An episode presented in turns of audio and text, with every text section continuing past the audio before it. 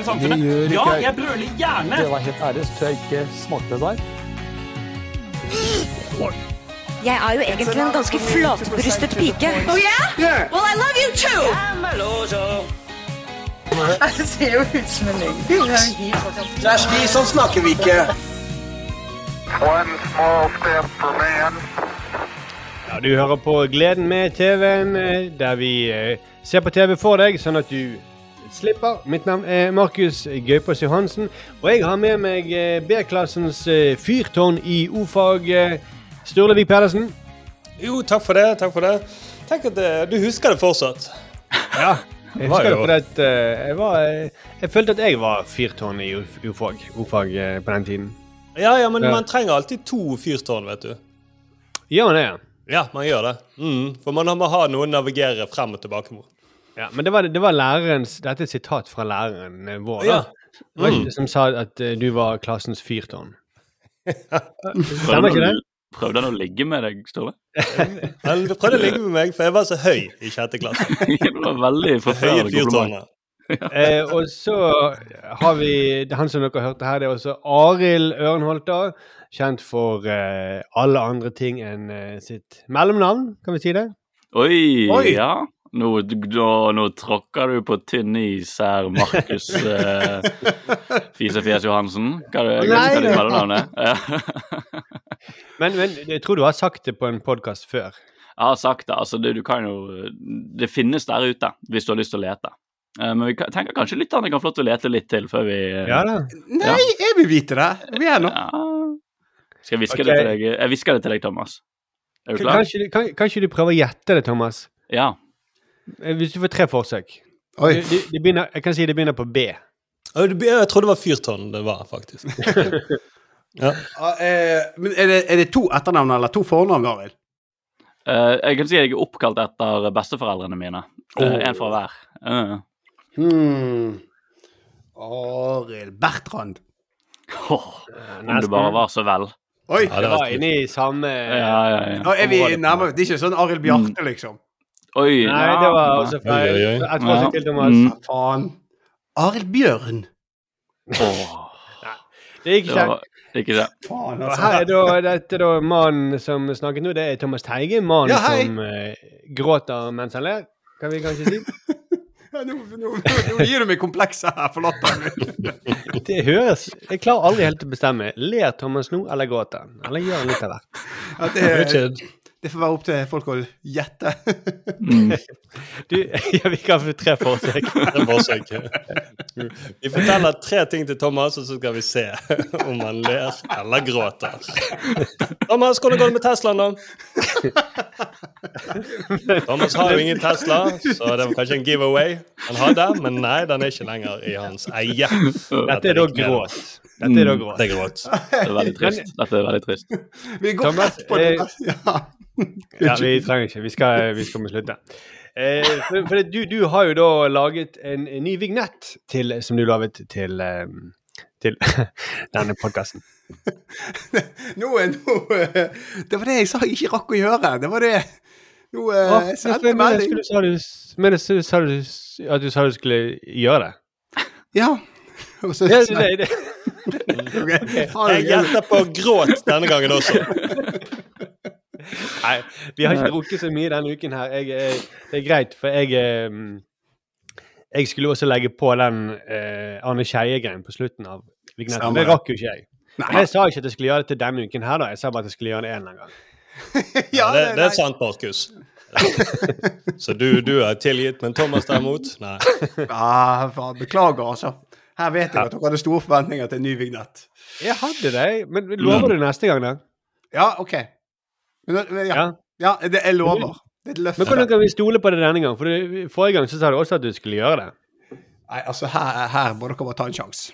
Ja, jeg Dere må bare Ok. Det sa du også med, den- med denne det sa du også med den podkasten til jeg eh, lyste. Her må dere ta en sjanse, gutter. Men kommer vi til å like det? Lover du det? Nei, ta en sjanse.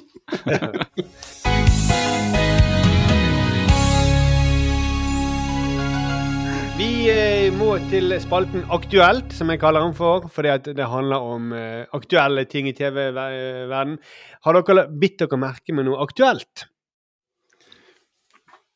Ja, jeg har det. Jeg har det. Jeg har sett Jeg har vært litt sånn syk eh, litt, ikke vært litt syk, men jeg har vært koronasyk. Men jeg er ikke sånn inne på Ullevål respiratorsyk, så det har gått greit. Men jeg har ikke orket å se så mye i denne uken. Men jeg orker å se trailere. Det gjør jeg uansett. Mm. Så jeg har sett Ja. traileren til den nye seriedokumentaren som heter We Need to Talk About Cosby. Oh. Oi. Oi, Ja, og oi. da er det ikke om humoren hans, men da om eh, overgrepene. Åh. Åh. Det hadde vært veldig smakløst hvis det kom en som bare hyllet humoren nå.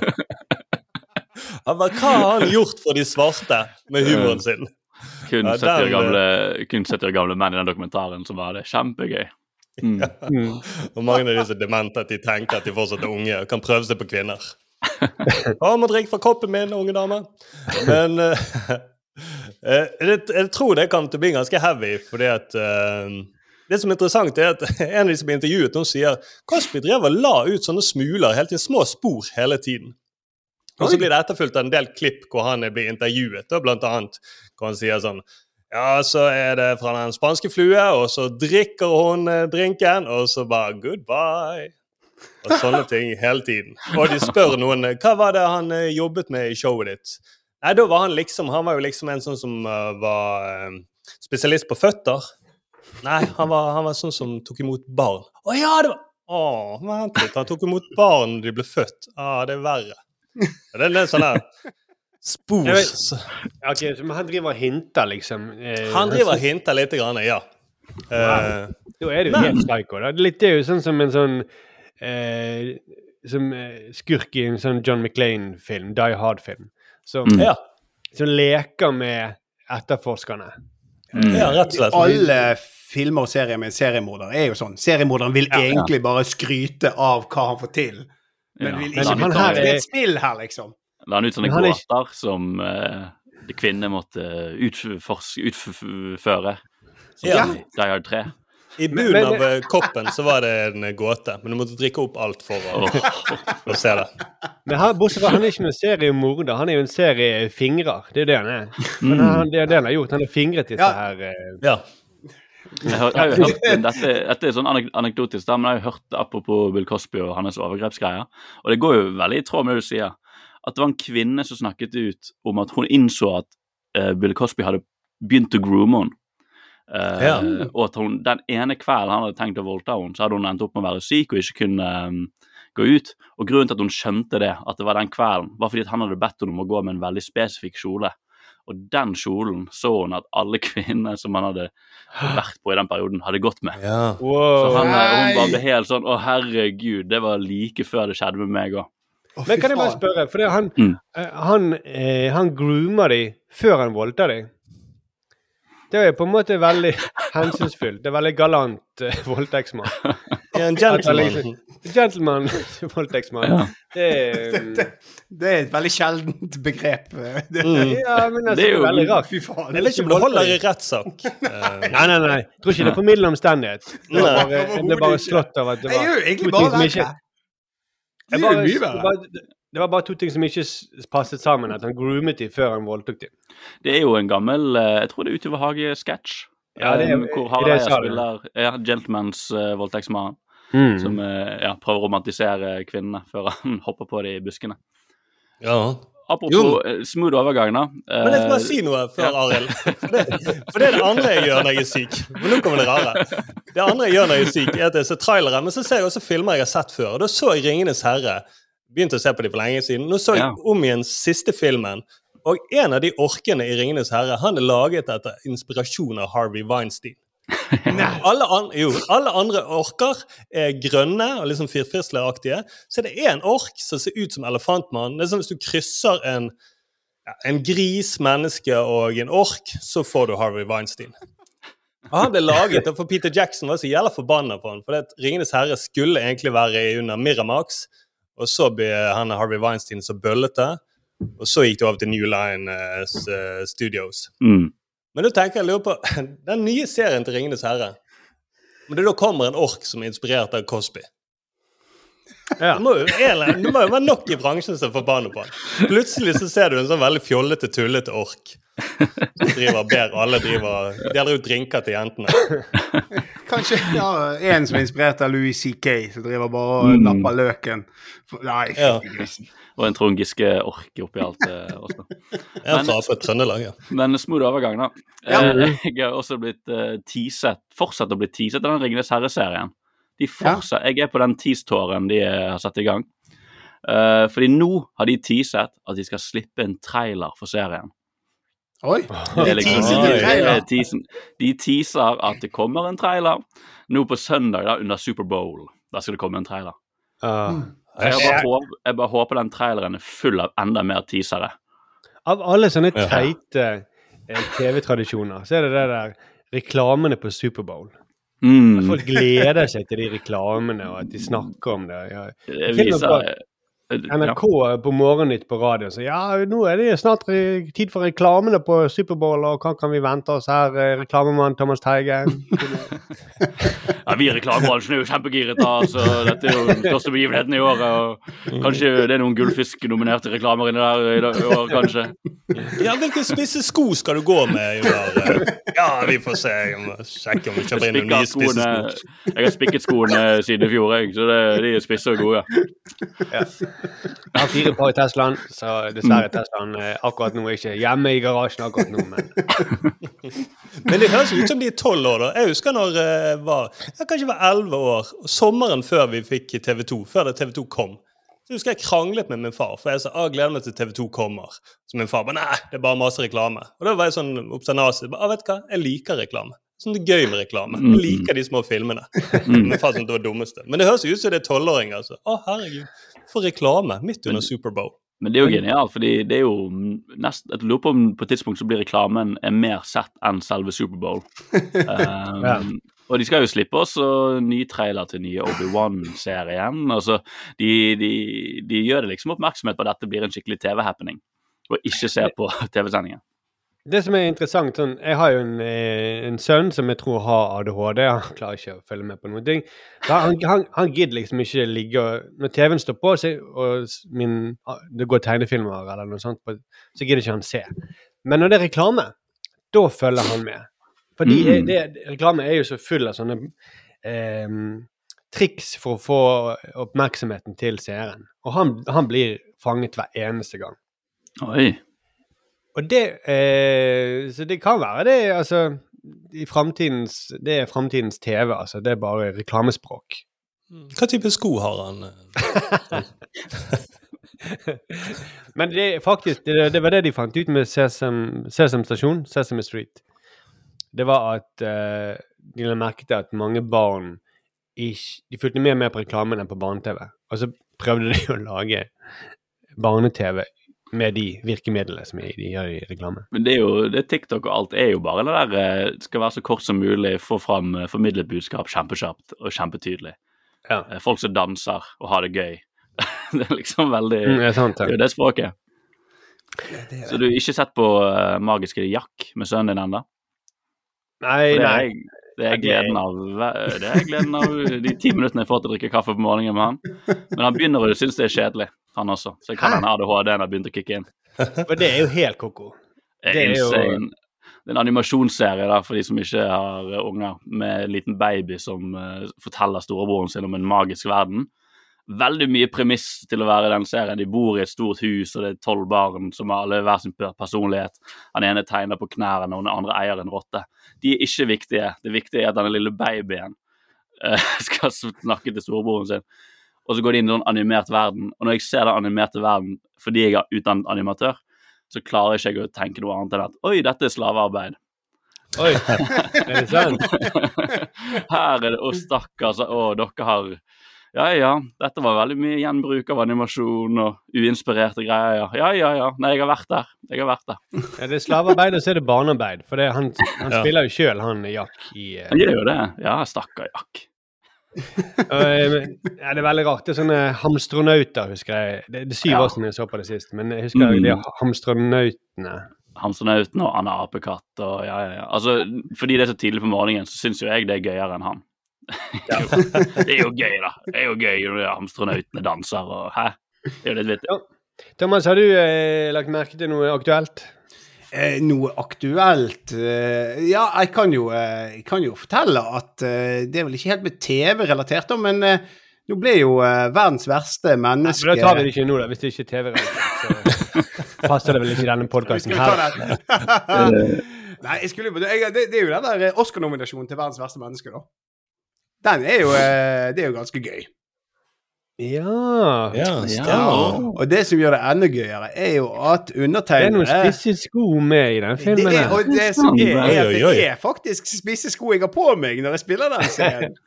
Eh, jeg er jo med i noen skarve sekunder der. Og eh, Så jeg eh, har vært i én spillefilm, og den er blitt vist i Cannes, og nå har han faen Oscar nominert. Det er selvfølgelig ikke min fortjeneste eh, i det hele tatt på noen som helst måte, men det er veldig Det er jo litt morsomt, syns jeg, da. Det er veldig Eh, vitt, det er vittig med den der at uh, nå var Sigrid Sollund var jo også med, er også med i den, og det var en sak om at nå er hun Oscar-nominert. Altså, det er ikke kødd. Til med, faktisk til og med storebroren min er med i den filmen. Så det føles jo som et sånn norsk fenomen at alle, vi alle er med i denne filmen. Postmannen min er med, og samboeren til uh, eksen min, han teipet jo ledninger på den filmen, så han er også Oscar-nominert. og- Så vi alle skal få lov til å delta i den Oscar-nominasjonen, da. Nei, men det, Jeg la jo ut sånn der eh, på, på, på, på, på Snap-storyen min. Eh, med sånn der ja, nå regner jeg det med-? Ja, ja, folk? Jeg, jeg, jeg, jeg, visste ikke at Det kan godt være at jeg bare, nå er jeg oppriktig nysgjerrig om folk bruker Snapstory fremdeles. Ja, altså veldig eh, for å si sånn, Utrolig lenge siden jeg lagt ut noe der, men jeg la det ut, for jeg gadd ikke sende snap til alle. For det var bare en litt sånn teit vits med at jeg skulle regne med å bli eh, sendt til Los Angeles eh, på denne Oscar-utdelingen. Men da når, fikk jeg melding av min mor, som jeg skal ikke oute nå, men jeg følte at hun, var, hun sendte en melding sånn Å, jeg er så stolt av deg, og du er så flink, og jeg bare det er sånn snakk om halvannet sekund jeg er med der. Jeg er egentlig bare en statist. Så. Men det gøye er jo faktisk eh, når jeg eh, ble oppringt til en rolle, eh, så ringte en sånn castingdame og sa ja, vi holder på å finne folk til verdens verste menneske. Og så uh, lurte vi om du kunne være interessert i å spille en rolle. Så jeg bare OK, jeg ble jo veldig smigret. Hva, hva er rollen? Nei, det er, det er ikke en stor rolle, men en gøy rolle. Um, vi vil at du skal være en dårlig skuespiller som spiller i en film i filmen, eh, som ikke er god, men er veldig stolt av eh, eh, prestasjonen. Så er bare sånn Ja, men dette er jo meg, jeg trenger jo ikke spille. Det, Det betyr at Teige, Lydstudio hadde lyttere, da? Det var noen som hørte på Teige Lydstudio. Du, dette var vel før Teige Lydstudio? Dette var etter Satiriks, det. Ja, ja. Ja, da hadde vi da. noen Serien. Apropos, jeg ble også rett for, før sendingen så ble jeg oppringt av et sånt castingbyrå også. ja. Eh, og det var til en reklamefilm. Vitapro. Altså- Er de eh, ute etter deg nå? Herregud. Markus, Nei, nå skal du snu? Går du over til mørkesiden? Nei, jeg kan ikke det. Men, men det er vittig at For hun bare 'Jeg har ikke tid med det, jeg skal lage podkast'. Men kan dere bare så, Men jeg kan sende noe, bare noe info på mail. Eller på SMS. Og så Det hun sender, hun sender jo bare da eh, litt om premisset for, for greiene og sånt. Og så Ja. Ingenting om pengene! Det er jo det som er Det er, derfor, det, er det som er det hovedgreiene. Hvis jeg skal hove meg ut, så må det være gode penger. Ja, men du må jo tenke på det som en investering, Markus. Så gjør du den jobben, så neste trapp på trinn så er det kanskje Teige Lydstudio. Hvem vet? Du må bare tenke sånn. Okay. men eh, Hva rolle var det, kan jeg spørre? Kan du si det? Nei, nei, jeg kan kanskje ikke si det ennå. Kjent merkevare? Kan du Ja, si det? det er kjent, men ganske nøytral. da. Det er ikke, det er ikke Kongsberg våpenfabrikk. Det er ganske Ja. greit. Men Ja. det, det er en av de som det er mye reklame av. Ja, Er det Kina som uh, prøver å kappe det? ja. Ja. Mm. Det er på den kinesiske nyttårssendingen.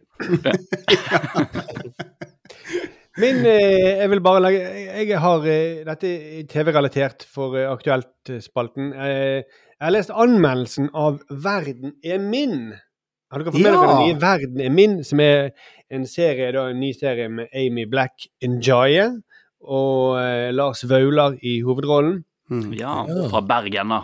Ja. Fra Bergen, ja. Jeg så faktisk jeg så fem minutter av han kun fordi jeg så det var fra Bergen. Så Jeg hadde ikke tid til å se på TV engang, men jeg var bare sånn Hæ? Å, jeg må bare se. Og så var jeg, OK, ja, det er fra Bergen, ja. OK, nå kan jeg gå videre.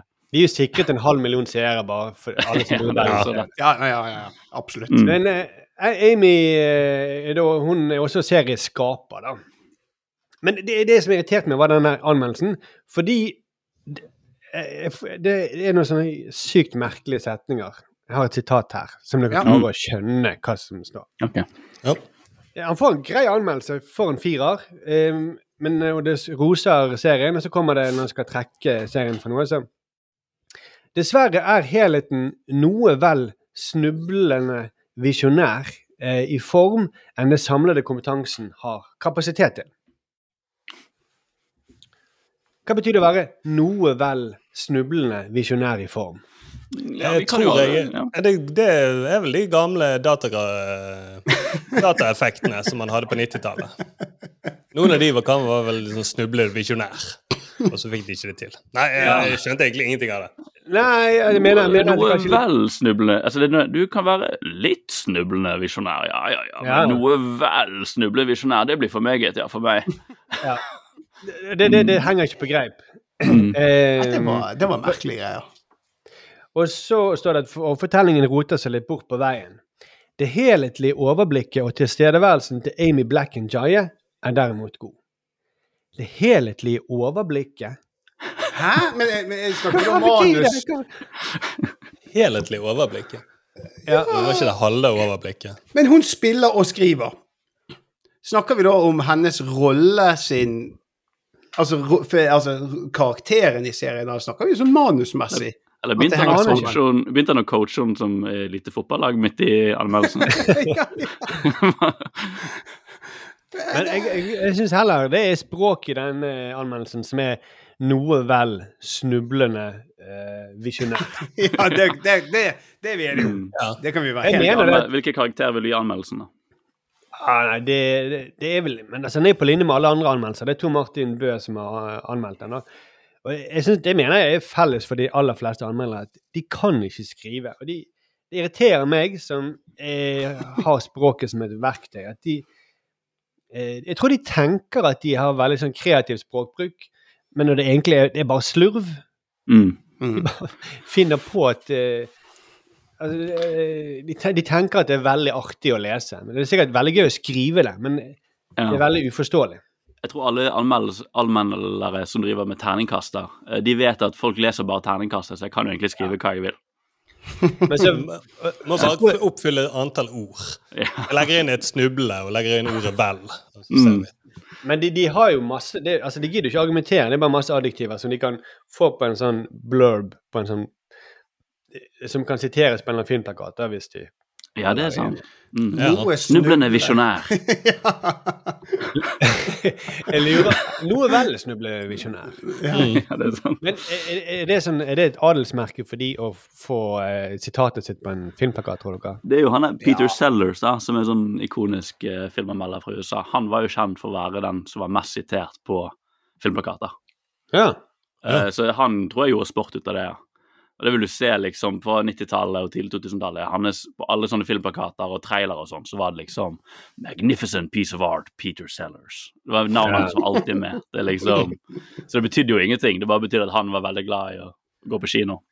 liksom. ja, og det er det. For, for det, det, det, tenkte jeg på. Altså, de gidder jo ikke argumentere. Han skriver at er På hvilken måte roter fortellingen seg bort på veien? For han skriver at den roter seg bort på veien. Mm. Det vil jeg gjerne vite. Det hadde vært Ja, ja. interessant. å- Det er en liten hemmelighet mellom meg og de som har lagd serien. For meg virker det som den eneste sånn kvalifikasjonen for å bli eh, TV-anmelder, det er at du er veldig interessert i TV. Og det er ikke noe Da kan du heller lage en podkast. Det, det Ja. synes jeg, sånn som vi gjør. Mm. Kan ikke si at du liksom forstår faget noe bedre enn Ja, men også ikke så um, du, Ja, du sier at du forstår det, men du vil ikke vise at du gjør det. Nei. Du vil ikke komme med noe forklaring på hva mener de med at de roter seg vekk på veien. Hva Jeg, burde de ha gjort? jeg er også sånn eh, alltid syns at film er gøyest å høre det bli snakket om også.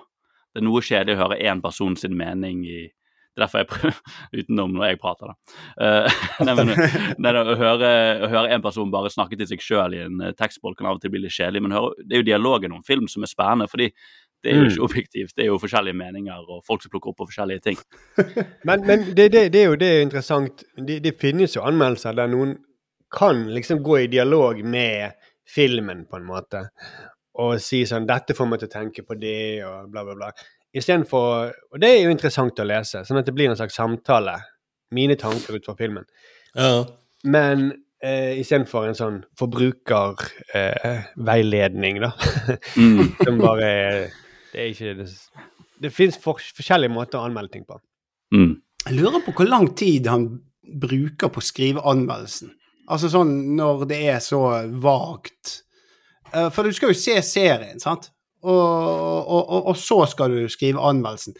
Eh, Jeg tror han gjør det ganske kjapt. jeg. Tenker bare for alt Ja, ja, en arbeidsdag. Og det er de, hver, gang de får kritikk, de TV-anmelderne eller filmanmelderne, så sier de ja, men vi har så dårlig tid, det er- det er så mye, vi må i arbeidspress, og bla, bla, bla, vi får så dårlig betalt. Så, men eh, så finn på noe annet, da. Jo, men jeg tenker man kunne hatt litt mindre litt mindre trailere, litt mindre anmeldelser. Og så kan man heller oppleve filmen eller serien sjøl. Mm. Ja. Det samme er jo at du får et sånn rart eh, inntrykk av filmen eller serien da, gjennom en anmelder. Eller også da en trailer.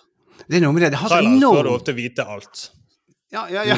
traileren avslører for mye, men en anmeldelse det, kan, det lader så sykt opplevelsen din hvis du har lest en anmeldelse, eh, og så går du og ser det. Mm. Uh, Det syns jeg faktisk er Jeg prøver å unngå det, hvis det er noe jeg har veldig lyst til å se, og lese anmeldelser, da.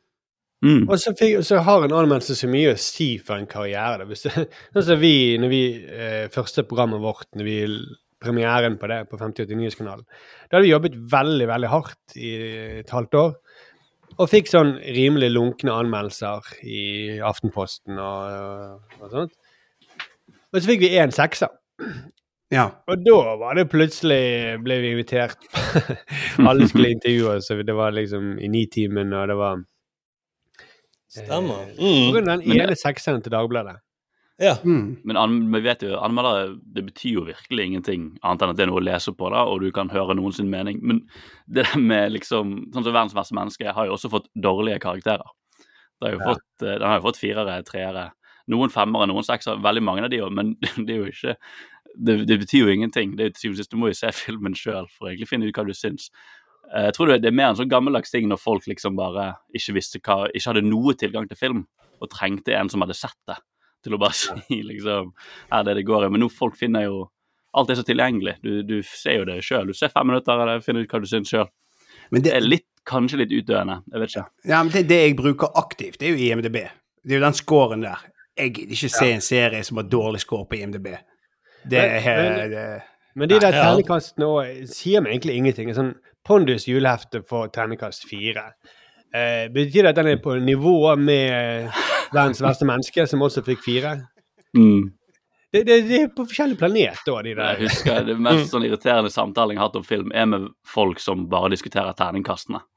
Ja. Jeg kan ikke se den fikk en firer. Jeg er ikke en sekser. Og så Vi skal gå og se Fast and Furious, liksom. Det er ikke, det, vi vet hva vi skal glede oss til, liksom. Men det er iallfall en serie vi kan følge med på, da. Eh, Framover, kanskje. Det er den eh, til eh, Lars Vaular og Amy Black and Jaya som heter Mm. 'Verden er min'. ja. Ja, det er jo litt da. eh, snublende nå. Vi må, Nei, nei, nei. Thomas, du må ikke se, for vi vet at du snubler så mye, så du må passe på. ja, jeg må jeg, jeg, jeg, jeg må passe meg. Men det er jo også spennende, det er spennende sånn TV-messig, fordi, og dette blir jo selvfølgelig, det kommer fra fire bergensere, men fordi at det er lagd og produsert i Bergen, er jo litt unikt også, da. Det er ikke så mange serier som blir lagd utenfor Oslo. Så vi kan jo se om det er noe forskjell i kvalitet eh, fra utenfra storbyen, da. Det som ødelegger litt for meg, er at, eh, det som ødelegger litt for meg er at Lars uh, Vaular bor jo ikke i Bergen. Han, han bor jo her. Jeg kan, se, jeg kan se inn i stuen hans. Han bor rett over veien min. Oi! Eh, så jeg har truffet på han. han, han eh, så det, for meg ble det, vil det ødelegge hele illusjonen på den serien. Er det sant? Du tror ikke at han har noe med musikk å gjøre? Når han Nei, bor her som vi bor? ser han følger ungene sine liksom til skolen og barnehagen. Han kan ikke sitte i studio, han er nede på lekeplassen og leker. Med ungen. Det er jo umulig. Kanskje anmelderen hadde rett. Det helhetlige overblikket stemmer ikke. Mm. Jo, nei, det helhetlige overblikket var jo bra. Og var det det som var bra? Ja. Å ja, ja, ja. Jeg trodde det også snublet. Nei, men det snublet kanskje på en god måte, da. Ja, ja, ja. Mm, snublet i favør av overblikk. Men OK, vi må i gang med TV-uken vår. Ja. Mm.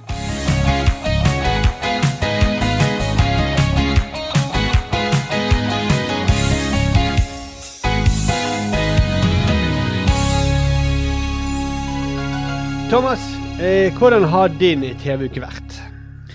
TV-uken har vært eh, eh, altså, hva skal jeg si, begivenhetsrik, kanskje? Ja, nei, det, det er et hardt i. Men jeg eh, har jo sett videre på Papirhuset. Eh, det er jo gøy. Koser meg skikkelig. Ja. Jeg blir bare mer og mer glad i den eh, spanske perlen der, altså. Det er intenst, og det er gøy, og jeg får Det er en del av meg som blir liksom sånn eh, Jeg får lyst å lage noe lignende. Jeg blir inspirert av det, men jeg får òg lyst å gjennomføre et ran. Så jeg vet ikke helt om han har positiv effekt på meg, den serien der.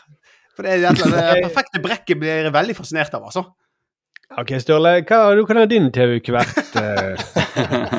Så Varsellampene må jo blinke når Thomas begynner å lære seg spansk. Prøver seg på spansk, jeg synes dette var litt ubehagelig å høre. Ja, skal du dra ned til Madrid, Thomas? Hva er greien? Da har vi en som har snakket om at det er bra å groome folk før du voldtar dem, og så har vi en som begynner å snakke om at han har lyst til å gjennomføre et Jeg brett. har, jeg har ikke lyst, jeg kommer jo ikke til å gjøre det, men det er. Det, det, det, er det, er det er en spennende tanke der. Jeg har bare lastet ned Duolingo-appen bare bare for å se hva det er for noe. Mm. Nei, men det, det, her, det er virkelig bra, altså. Og som serie Thomas, bare kjapt, bare kjapt først. Kan du bare Ja. si gi, meg, gi meg alle pengene på spansk for meg? Nei, jeg kan, jeg kan jo ikke spansk, jeg kan ingenting. Jeg, må jo, jeg har jo masse å lære. Men du ser litt eh, spansk ut. eh. Du kunne Ja, det gjør det. Altså, Du kan si Ja, quiero Eh, Quanta costa cerveza? Oh. Mm, det jeg kan. Sturle kan jo spansk. Ja. mm, Kan Jeg kan jo spansk? ran. Mm. Kan jeg kan spansk? spansk. Ja. Ja, jeg har ranet mange banker i Madrid Men allerede. Da må jo vi snakke sammen etter denne podkastinnspillingen, for jeg har en plan. Ja, OK. Mm, ja, jeg liker, liker en sånn, liker en sånn um, Oceans Eleven-aktig film hvor det kun handler om at de må lære seg spansk. Ja. Det med Ranebanken det tar de senere, men det er veldig mye tid fokusert på det Duolingo-appen og møtes etter jobb for å møtes på kafé og snakke litt spansk med hverandre. Det tror jeg, sånn, sånn, sånn tror jeg det er mye. Eh, mm. hvis du skal gjøre terrorangrep, sånn som de der som eh, kapret flyet i 9-11 De måtte jo gå og ta sånn flykurs. Mm. Eh, og da han ene der, han, han ble jo faktisk Han kom jo ikke aldri opp i flyet, for han ble jo Han var så utålmodig. Han rakk jo opp hånden og spurte. Sa at eh, han ville bare Han ville ikke lære seg å lande fly, han ville bare lære seg å ta av. Nei, det er tar meg veldig Jeg trenger ikke den informasjonen her den landingen. Jeg vil bare gå rett til Det er faktisk Fly og sikkerhetskontroll vil jeg lære litt om. Kanskje lære oss litt om sikkerhetskontroll og hvordan de fungerer. Hvor mange milliliter vil ikke da? Smooth overgang, da. Hvis dere har sett eh, Looming Tower på Amazon Prime, det handler jo om 9-11 og hvor mye CIA egentlig visste eh, om eh, angrepene. Og da Mm. er den scenen med, eh, hvor de er sånn ja, vi er litt mistenkelige fyr her, altså. Han, eh, ja. Og de sånn, og jeg ser sånn Ja, men vi vet ikke om det er så viktig. Det er ikke Altså Hva mener du scenene med? Altså, det er en et lydopptak, eller er det en, en dramaserie? Det- Dette er en dramaserie med Ah, ja. Jeff Daniels som spiller uh, den, Jeg tror det er CIA ja, Det er CIA og FBI da, sin kamp, kamp, interne kamp om å få lov til å uh, dominere krigen om terror da, før 9-11. Hvem er det som Er det de som er på bakken og gjør det der, eller er det de som sitter hjemme med og følger med på datamaskinen? Hvem er det egentlig som skal få lov til å diktere hvordan man skal bekjempe terror? Og den interne striden der, hvordan egentlig det gjorde at alt bare gikk til helvete, og ingen egentlig fikk gjøre noe gunstig. Og hvor mye de faktisk visste da eh, om 9-11 før det skjedde. En veldig spennende serie. Veldig, Ja, ja. Den var Nei, slukte men de for noen måneder siden. Ja, men, eh, Beklager, ja. Thomas. eh, Ja. Vi, var, vi var inne i din TV-uke. Eh, Ja, ja, ja. ja. Nei, men Jeg ble veldig fascinert. Jeg fikk lyst til å se en serie, merket jeg. Men jo, nei, så, så, så Papirhuset. Og så hadde jeg en veldig fin og gøy opplevelse her. Jeg fant ut eh, Vært og jobbet, og, og så kommer jeg hjem, og så oppdager jeg at min kone ser på Peepshow. Wow, wow. Oh. Ja. Og det var stjerne i boken. For de av dere som ikke vet hva Peepshow er, så er det en helt Altså, eh, det er en helt briljant britisk humorserie fra tidlig 2000-tall, tror jeg. Ja. med David Mitchell, blant annet, som er jo hysterisk morsom. Der alt er filmet eh, i da point of view. Eh, og eh, det, det geniale fortellergrepet der er jo at disse to misfitsene som det handler om, eh, du hører tankene deres, fordi at du ser alt som er filmet, ser du liksom gjennom i øynene deres. Høres slitsomt ut, fungerer forbausende bra. Helt nydelig serie, som jeg, jeg ble veldig veldig glad når jeg, altså, hun ser på det uten at jeg har mast. For det er en sånn klassisk serie så jeg må mase meg til. Vet du, Gi det et par episoder. Gi det et par episoder. Så det, det var jo veldig gøy. sikkert derfor hun har begynt å se på det. For Ja, men jo, det var du liksom litt om en serie, så ja, eller Når du maser om en serie, så har man ikke lyst til å se det, på en måte. Nei, jeg, Men eh, ja, jeg, jeg begynner Men å jeg har denne, Thomas, jeg har den effekten også på folk. Hvis jeg, Ja. hvis jeg liksom Ja, når jeg har liksom virkelig eh, sett lyset, liksom Jeg husker Ja. når jeg prøvde yoga, liksom prøvde hey, du må gå med Trine Lise, min kjæreste, da. Du må prøve yoga, du må Hun skal aldri gjøre yoga. Hun synes det, det, det, det, det er definert som min greie, da. Det er liksom Ja. det, Hun vil sikkert finne ut av sine egne ting. Så hun begynte med pilates. Møtes litt på halvveien, da. Ja, det var, det var. Men jeg synes det var veldig Og jeg, jeg satt jo med der og så et par episoder av Peepshow igjen, da, og eh, herregud, så bra det er. Altså, det er det, er- det er hysterisk morsomt. Og så eh, Nei, det var, det var et veldig, veldig hyggelig gjensyn. Så Men jeg må bare eh, si, ja. det, det som er gøy med det fortellergrepet der òg, at uh, du ser alt fra deres point of view, er at alle personene Det er veldig forfriskende, for alle personene blir så stygge og morsomme. ja. Når de, når de får det som fisheye-kamera. Ja. Eh, som gir, gir en veldig sånn gøy komisk effekt. Og det, det er så utrolig lite sånn eh, Det er så langt fra, fra sånn glossy 90-talls uh, Full House-sitcoms. Ja, de, de, de, de er stygge, og de, de er rotete hjemme, det er skittent, og de ser rare ut. De har ikke prøvd å få noen til å se pene ut engang. Nei, og så, eh, så syns jeg òg det er så veldig morsomt. Så han er ene åh, Er det Jeremy han heter? Den ene karakteren. Eh, han eh, som eh, da eh, I de episodene jeg har sett, så har funnet seg en amerikansk kjæreste. Men så er det også at du ser jo hvor han ser. Så når hun Ja. snakker, så ser jeg på brystene hennes, og så litt opp og så ned igjen på brystene. Og så, og det er bare sånne, det er sånne detaljer som er så utrolig leken. Og så hører du hans tanker, at han hører ikke etter på hva hun sier. Så det er utrolig sånn der eh, eh, det, det er som du sier, er veldig forfriskende, ærlig forteller, eh, fortelling. Mm. Uh, og um, Nei, det, det, jeg, ble, jeg ble litt sånn Jeg hadde glemt hvor utrolig bra det, den serien er. Han har gått litt sånn og jeg, jeg virkelig sånn, når, når jeg så det underveis, så, så var jeg sånn Jeg elsket det. Virkelig elsket det. Og så har det glidd litt vekk, men det fortellergrepet er mye, mye bedre enn jeg hadde trodd. Altså. Så det, Ja. Det ligger på Amazon Prime nå, da. Så jeg anbefaler alle å bare begynne å se det. Jeg tror det er to eller tre sesonger som ligger der. Det er vel syv totalt. Ja, Og så kjempe- etterpå så kan, eh, kan du kose deg om igjen med bare gå inn på YouTube og så eh, skrive Superhans, som er liksom han Ja. ene, ene karakteren, vennen til Jeremy, da. Som er Han er veldig glad i dop og sånt, men han, han er helt fantastisk Ja. eh, bikarakter. Ja, han er, han, er, han, er, han er hysterisk morsom. Han er så, han er så jævlig Nei, det hva er, hva er premisset, på en måte? Nå, det er mye sånn fortellergrep og Ja, men hva er det det handler om? Har du sett det noen gang, Arild? Nei, altså, det er jo det som er synd, at jeg har ikke sett det, men fordi Thomas har drevet og hypet opp, så er jeg ikke sikker på om jeg har lyst Men jeg har kjent til det, da. Jeg har sett det i litt YouTube her og der. Jeg har vært på Ja. David Mitchell-bingene mine. Men uh, ikke sett jeg... bare sett det rare grepet, og så aldri helt kommet inn i hva det egentlig er. Det er to venner som er liksom fanget sammen. De er, de, de, de er i midten av 30-årene, men de bor i kollektiv, for ingen av de har liksom kommet ordentlig i gang med livet.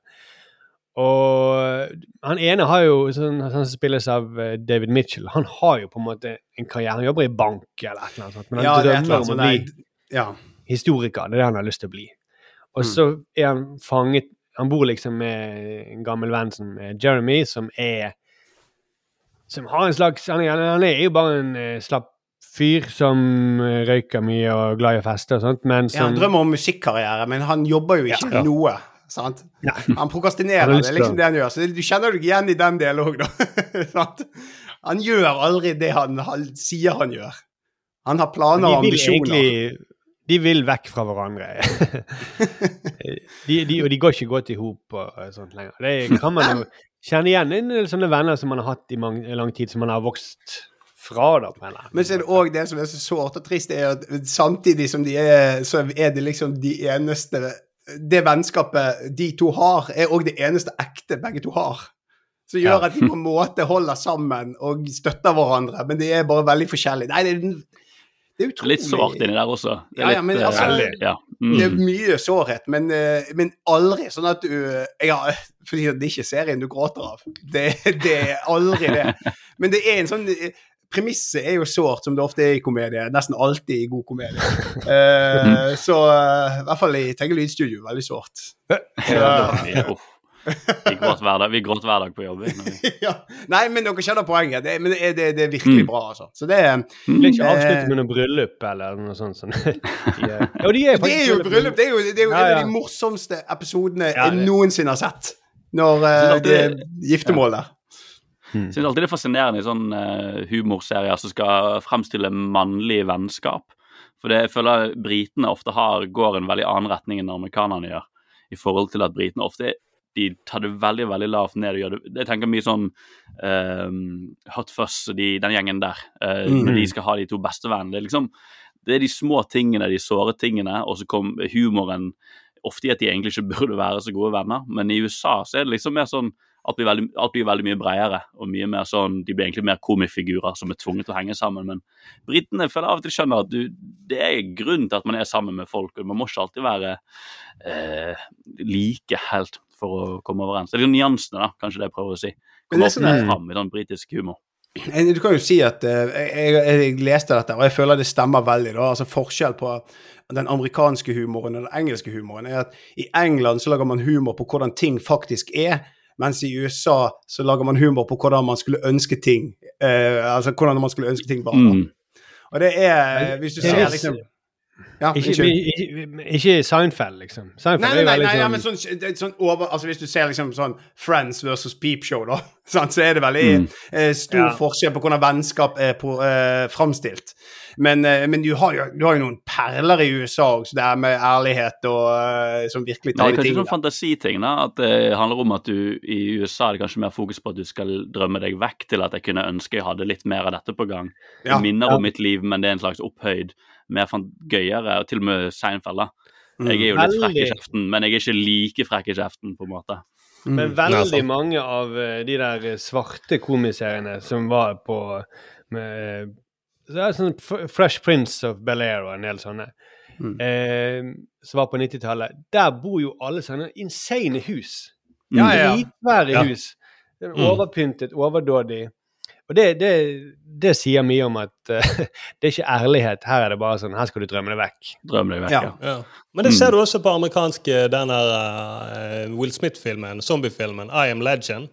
Mm. Uh, det handler om at det er zombieapokalypse. Og samme i den eh, 28 dager senere, som er britisk. Mm. Og i den britiske, når de skal stikke av fra zombiene, skaffe seg en bil, så er det verdens Det er sånn Mr. Bean-aktig bil. Det er en skittig bil de kjører rundt i. Og så kommer uh, I den der Will Smith-filmen, når han cruiser rundt i Manhattan som er øde, så er det en sånn Dodge Viper-aktig. Mm. Verdens dyreste racingbil. Det er selvfølgelig, ja. Men jeg tror det, for amerikanerne har jo noen drømmer. Men jeg vet ikke om britene lenger har noen drømmer. Jeg Det går tilbake til Edgar Wright, da, som nevnte i sted med Hot Fuzz og sånn. Han var jo erkebritisk eh, filmskaper. Veldig sånn eh, ja, Quentin Tarantino i, i England, på en måte. Men de filmene han lagde først av Hot Fuzz og Shaun of the Dead og eh, den siste jeg blenker helt på, når de skal drikke seg dritings i gamlebyen. Oh, Alle ja. de er jo på en måte en eh, parodi på amerikanske filmer. Ja. Det som gjør de så gøy, er jo at han setter de amerikanske fenomenene inn i den britiske hverdagen. Og han kan leke veldig med det der eh, hvor jævla stusslige ting er i England kontra USA, og hvordan man egentlig har lyst til å drømme seg vekk og være jævla fet, men vi er så fanget her. Men når han lagde den Baby Driver, som er helamerikansk, som er en film om en getaway driver som hører på fet musikk og, skal, og alle amerikanske skuespillere, da legger du merke til at han mister litt den der eh, kontrasten plutselig. For Mm. alt blir så jævlig fett plutselig. Og er jo en kul film, men du legger merke til at han, han har mistet litt av identiteten sin når han går full on American, på en måte. Ja. At han trenger litt den briten i seg til å liksom gjøre det mer menneskelig, nesten. Ja. Jeg, jeg, jeg er enig i mye dere sier. Jeg bare vet at det, det finnes en komitradisjon i USA altså for å være eh, skitten og eh, punkete og ærlig, da. Mm. Ja, ja, ja. Altså, det, det, det var ikke en fasit det kom her, men det er en sånn Nei, nei, nei. jevnt over en uh, Jeg bare jeg vil like jeg, Hver gang noen kommer med sånne generaliseringer, så vil jeg si ja, ja, men vent, må høre jeg, jeg, tenkte, jeg tenkte på det med den eh, serien, den eh, eh, For det, det var, Kongen av Queens gikk jo samtidig med Alle elsker Raymond. De var et slags sånn du- søsken... Du er veldig fan av de Søsken Hæ? Du er veldig fan av de seriene. Du snakker jo hele og tiden hvisker om noe. Thomas var begynte å hviske litt.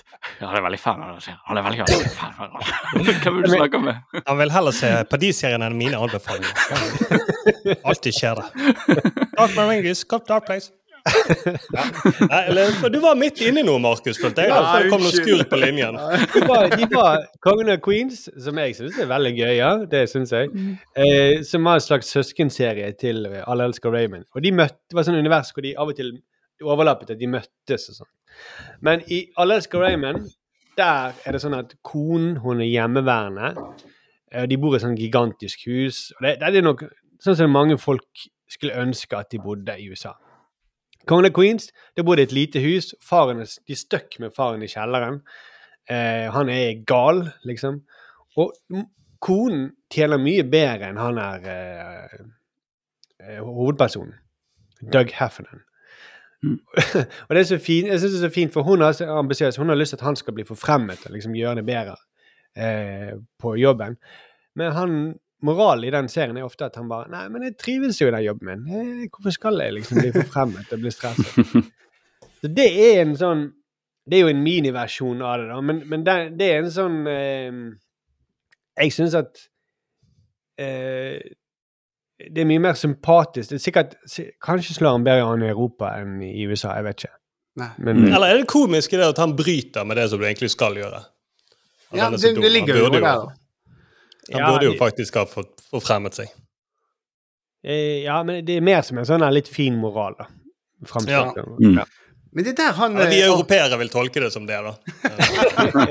Jeg har lest en anmeldelse. Nei, jeg har ikke det. Eh, Jeg tror det, som du sier. Mm. Mm. Men det er Arthur Stiller som er faren, ikke det? Uh, Har har ikke du sett Mm. Kongen av Queens? Jo da, jo da, men, det jo, det, han Mm. gjør, men han gjør jo serien. Han, han er jo så Han, er jo Han var så sinnssykt morsom. Altså, for Mm. et mm. Ja, talent, men, liksom. men, men de er bra, de der para, altså. Ja, jo da, jo da, men veldig, eh, veldig sånn det, er- det, er ikke en, det er ikke en revolusjonær serie, men det er veldig godt håndverk. Det er veldig- det, det- det vil jeg si, det vil jeg si sånn, når amerikanske serier kanskje de, de har litt mer formler på hvordan du skal, de skal mate deg, på en måte. Og Mm. der de britiske seriene av og til har lyst til å bare si sånn Neimen, faen, du skal spise erter, på en måte. Det er godt for deg. Eh, så skjønner amerikanere at nei, men en eh, kan tilberede erter inn med masse ost. Altså, de, de, de vet liksom at du, du kan få gjort det på den måten. Og det, vi kommer litt tilbake til den serien vi skal snakke, snakke om seinere, Utopia. Ja. Som er erkebritisk, vil jeg si. da. Eh, En liten tease. Som jeg er så glad i. ja, du er veldig glad i teaser. Mm. Nei, men jeg, jeg jeg. Det var ikke noe mer jeg hadde å melde fra min TV-uke. Nå ble det veldig lang prat her. Eh, Det var eh, med Peepshow og Papirhuset, og så er det de tingene vi skulle se. Utopia og eh, Ja. da- ja, ja, men det kan vi vente med. Thomas. Det venter vi med. Mm. Så Det det vi å til slutten av Ja, det var sånn det var. Ja. Nei, men jeg vet det. Jeg jeg tok, vet det. men det tok litt lang tid, Thomas. For det var et eller annet, det var noen som drev og småkommenterte mens andre begynte å snakke. Så vet du, det stoppet litt opp, Thomas. Nei, jeg tar selvkritikk. Ja, Kan jeg ta min TV-uke nå, da? Ja. Ja, ja, gjør det. Så kommer det Queens igjen. Hæ? Bare kommer det Queens. Eh, Jeg hadde så på Kongen og Queens, så skrudde lyden av, og så hadde lyden av Teige lydstudio over, faktisk. Men det synker perfekt. Det er som Pink Floyd and the Wall. Det bare synker perfekt opp. I hvert fall hvis du tar syre og ser på, så er det, passer det helt perfekt. Jeg tror det var gøy. Endelig skjønte jeg Teige lydstudio.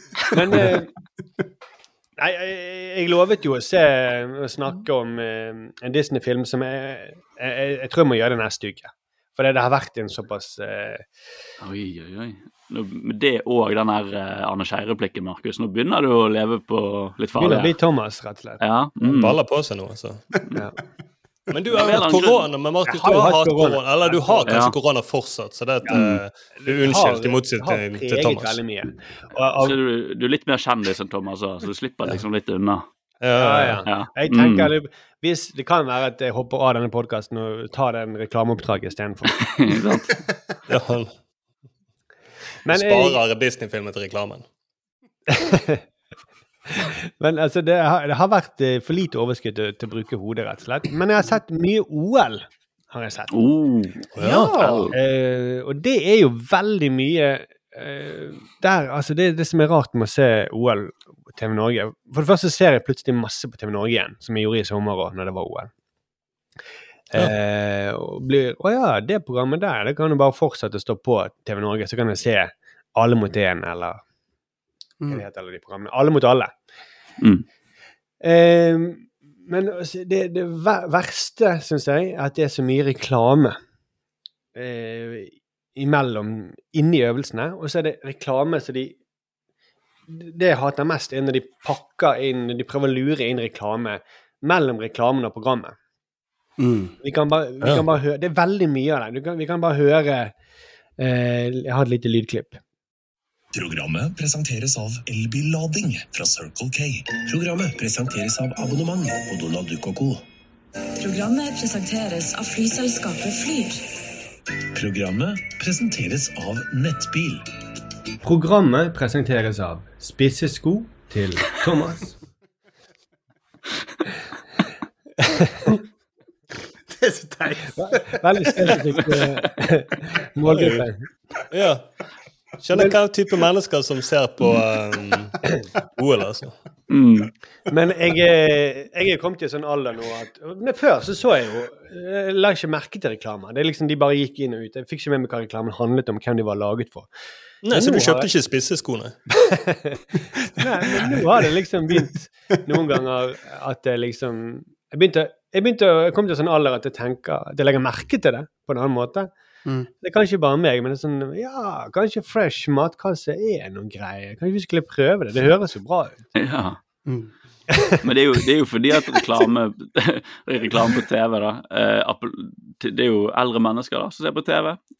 Så all reklamen er jo liksom rettet til en veldig spesifikk målgruppe, da. Så det er kanskje når du blir 40, så la du merke til at plutselig er det som at alt er lagd til meg på TV.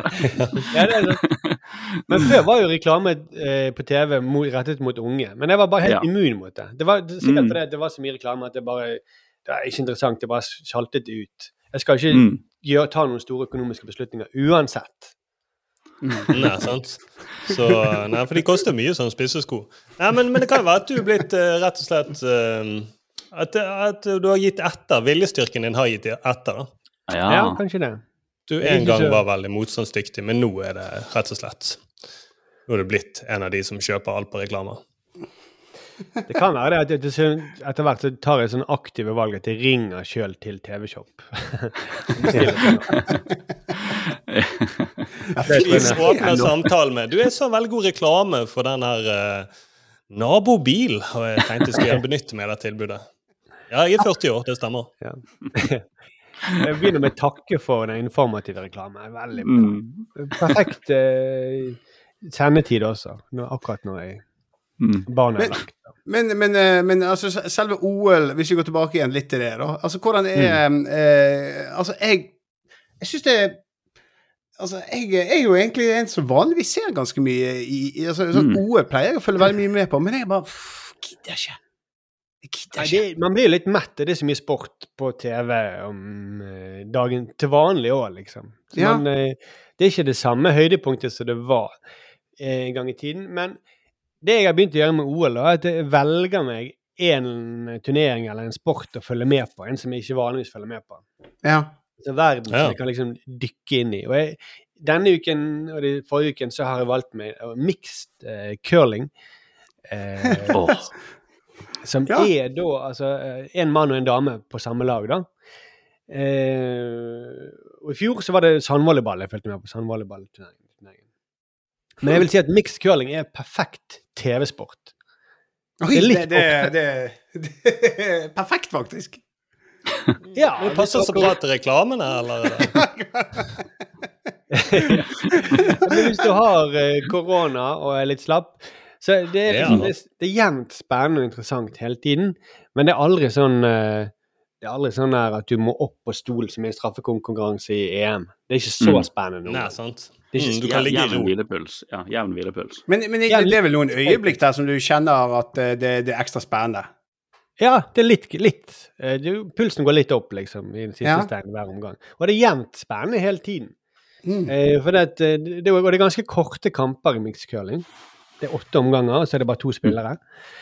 Eh, så, og det er alltid veldig Men det er det det ikke er, det er ikke chess on ice, som de sier. Det er, det er mer som eh, biljard på is. Ja. Ikke, for det er sånn at, Jeg tror vi har snakket om dette før, eller du har irritert deg over det før, Markus. Men det er det at man bruker sjakk hele tiden som en sammenligning. Ja, sant. eh, Det samme er jo amerikansk fotball er jo sånn og sånn. Ja. Eh, eh, Ja, Mm. Og krig generelt er jo litt som sjakk også. egentlig. Ja, ja. Men det er Plutselig jo så er man om at man har tapt, og så shake hands. Og podkaster er jo liksom pratingens sjakk, på en måte, da, vil du si. ja. Ja. Men Mm. man, man ville aldri sagt at Tegge Lydstudio er chess on podcast. Det ville man ikke gjort. For det, det, er, det, det er så høyt var ikke nivået. Eh, verken på, på denne podkasten heller. Den. Men eh, Nei, for, Men- for Tegge Lydstudio var ikke som om skaperne tenkte flere trekk fremover. Det var liksom at det bare skjedde. Og gjerne murte seg inne med bonden og eh, glemte å gjøre rokade når han skulle ha gjort det. vi forklart eh, det er jo ikke, Når vi snakket mye om Teige Lydstudio, men vi har kanskje ikke forklart hva Teige Lydstudio er. Det er liksom kanonball eh, on podcast, da, på en måte. Bare Ja, men, men bare med ett lag. mm. Bare en som skjønner eh, Mm. reglene. Men for det, det er jo mye, det er mye taktikk selvfølgelig i eh, curling, men det er jo ikke i nærheten av sjakk hvor man har superdatamaskiner for å regne ut eh, om trekket er bra eller ikke. Det er Mm, milliarder mm, av muligheter i sjakk, men i, eh, i curling så er det alltid sånn to-tre muligheter. Skal jeg gå for den eller den? Jeg kan jo kanskje slå den bort og klinke bort til sånn, men da er det kanskje risiko for at jeg slår bort til den. Ja, da prøver jeg den enkle varianten. Sånn Mm. er det taktiske. Det er ikke, det er ikke mer enn det. Jeg ville heller- jeg ville liksom vært mer sånn sjarmert over at de prøver å fri til sjakkpublikummet. Det har blitt så verdifullt publikum at vi må si dette er litt så sjakk, altså, folkens. Nå, eh, det er faktisk like fett som sjakk, bare Ja. for is. Å, ikke få deg Magnus Carlsen på is, da. Hæ? Det er det Det- gøy at sjakk har blitt sånn Det er de vi må få nå. Sjakkfolkene. Ja, kanskje, hjernen. det er nok kanskje nærmere. altså Sjakkpublikummet er nok likere. Eh, Ja. Og curlingpublikummet. For det, det er ikke noe spektakulær action der, liksom. Det er ikke noen saftige taklinger eller noe sånt. Så, eh, så det, det er nok eh, Det er mer som et spill. Ludo Ja. og nice. ja. Mm. Mm. Nei, men det er det er sånn veldig, det er sånn veldig OL-sport. Det er det. Altså, jeg regner ikke med du ser gjennom dette. Altså, du kommer til å følge mixed curling uh, i de neste fire årene mellom mesterskapene. Jeg føler Hvert år så er det curling som går gjennom. for det er sånn, De Ja. går med rare bukser. Nå, og denne, I år var det et par, det var et samboerpar som kranglet på isen. Ja, ja, sånn, de har, alltid sånn X-faktor-elementer som gjør at det blir eh, medievennlig sport. ja og de tingene, de småtingene blir så veldig veldig synlige da, når det er ingenting annet. Nei, sant? Fordi Steinene de, ligger jo ofte der, og så må du se litt på de deltakerne. de krangler jo på en fotballbane òg. Hele tiden slenger dritt til hverandre. Altså. Mm. Ja, Men er her er det jo ingenting annet, og lyden er jo på dem, så de kan liksom høre alt de sier. Og de, de er jo en tøff, røff tone mellom de to, eh, det Mm. ekteparet, som kom til finalen eh, og tok sølv. Hm. Men eh, Så det, du sitter jo liksom Oi, faen, jeg sitter og hører på en noen i stuen til et par som krangler. Mm. Men Begynner å trekke fram eh, sommerferier fra to år siden. Ja. Ja, det sa han- du når vi skulle kjøre dit til Spania. Men vi kom jo helt feil. Kom ned til den lille landsbyen, og ingen snakket engelsk. Det var nesten på det nivået, for han ene Det var liksom en krangel som gikk ut over den situasjonen der. Han sa liksom han mannen Nå må du snart begynne å ta dine egne valg òg. Oi! Helvete! Oi, shit. Men dette er jo mye mer Ja, eh, kanskje jeg ikke burde valgt å bli sammen med deg, da? Hæ? Kanskje det er valget jeg ikke burde gjort? Hm? Dette er jo en X-faktor som OL trenger, vil jeg si. Altså Når det er i all sportsvasking og drit, med par som i, med Ja, den der, kanskje den der eh, F-Boy Island skulle vært en OL-gren. Du tis. Kommer en tis! Oi, Tise Thomas. Nei, men det kunne jo være neste dokumentar. Kommer Let us talk about curling. Og så kommer det dokumentaren. Han sa det, han var så frekk hele tiden. Mm. Hadde Ronaldo vært med eksempel, med sin eh, hustru, så Eller jeg vet ikke om de er gift engang. Men han hadde slengt mye mer dritt. han går jo, Ja. altså, i, I løpet av en kamp så slenger han dritt til alle hele tiden. Mm. Ja. Klart at han eh, Men det jeg har sett på OL, det, det som jeg har irritert meg over Eller jeg følte egentlig at Arild var med i produksjonen, OL-produksjonen. Hva, hva skjer nå? Jeg, jeg prøvde å ta det opp, men jeg fikk ikke tatt det opp, dessverre. Men det er når Klæbo går i mål og tar gull, så er det noen som kommenterer. Mm. Så det er en som er veldig entusiastisk. De viste fra rommet når de kommenterte. Han står og skriker. Ja, nå, nå, nå, nå der er han over! Jeg gø- gønner alt på. Og så er han andre, han er fra Nord-Norge et eller annet, han sier bare Yay. Nei, det, shit, det høres ut som det er Arild som prøver å interessere seg i eh, Ja, og han gikk, han gikk fortest på skia. Det var bra. Ja. Det, det, det er han eh, Egil Kristiansen som også kommenterer eh, skiskyting.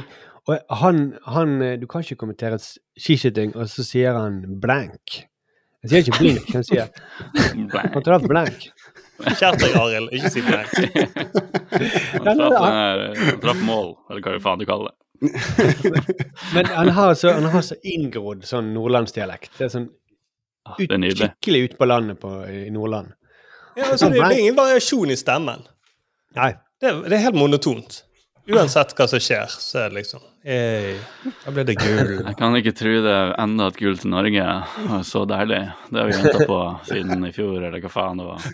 Jeg ganske sikker på ski TV, jeg vet ikke. Ganske likt, men han, han er- ikke så sexy i stemmen. Å ja, jeg prøvde ikke å være sexy, det bare kom naturlig. Sorry. Jeg klarer tror ikke han, det. han er enda trøttere enn det, altså. Åh. Er det, Det var egentlig eh, min eh, litt trasige TV-uke. Jeg har, eh, jeg har ikke Men jeg fikk veldig lyst til å begynne, heller begynne å se Peepshow igjen. eh, Ja, men det OL. må du gjøre. Mm. Det er bedre enn OL. Arild, din TV-uke, hvordan har den vært? Ja, du, vi har nå et par greier vi har sett på, så kanskje jeg skal ta opp igjen. Vi har nettopp begynt på noen nye serier, så jeg kan preike om de litt i andre episoder. Yellow Jackets og på Paramount Plus, og fikk et Paramount Plus-abonnement fordi foreldrene mine var på besøk, og de ville se den der eh, Yellowstone. Og så Ja. ga jeg de det, kjøpte et abonnement, og så bare glemte jeg å kansellere det. Og nå utforsker jeg Paramount Plus. Mye Nathan for you og Ja, ja. og mye gode humorserier der. Men det er én ting jeg har lyst til å snakke om i dag, egentlig. Og det er en serie, men det er også et konsept. Oi. Oi. Ja, ja, ja. For en serie jeg hørte litt buzz om, da, som heter Reacher. Som Ja. er um, Ja. uh, basert på en bokserie, og det har vært en film med Tom Cruise og litt sånn, og nå har jo TV-versjonen kommet. Men det jeg hørte da, som liksom fanget oppmerksomheten min, var at noen omtalte det som en pappaserie. Hmm. Og da var jeg litt sånn Oi, shit, ok, jeg, har- jeg har jo blitt far. sant? Og da, sånn, og da tenkte jeg på uh, hvordan om hjernen min siden jeg ble far, har forandret meg. og Har det påvirket hva jeg ser på på TV? Har jeg liksom fått uh, nye øyne som jeg kan se nye serier med? og sånn? Mm. Og så ble jeg også bevisst på at det har jo kanskje allerede skjedd.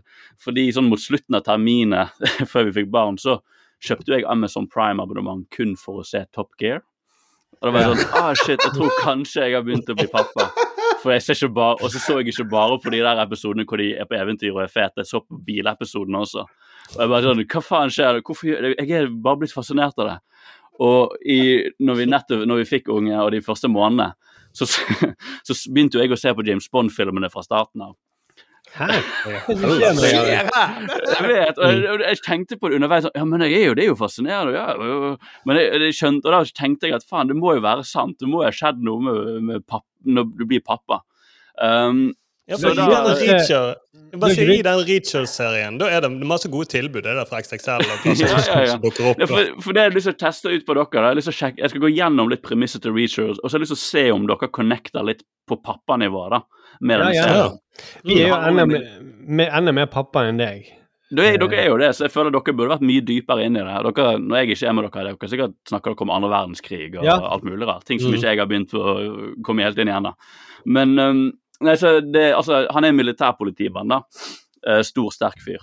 Uh, og uh, premisset, da, er liksom Her kommer det en stor, sterk mann inn i byen, og han må ordne litt grann greier. Sånn- Kjenner dere det? Eh? Han må ordne opp. Ja, det er noe så, som, noe som må oppfikses i garasjen. Ikke det- sant? Dere kjenner disse det pappafølelsen her.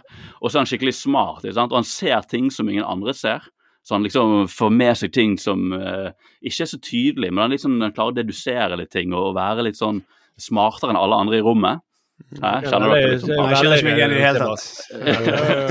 Det er trippel trumf om torsdagene. Mm. Og så er han skikkelig lavmælt. da.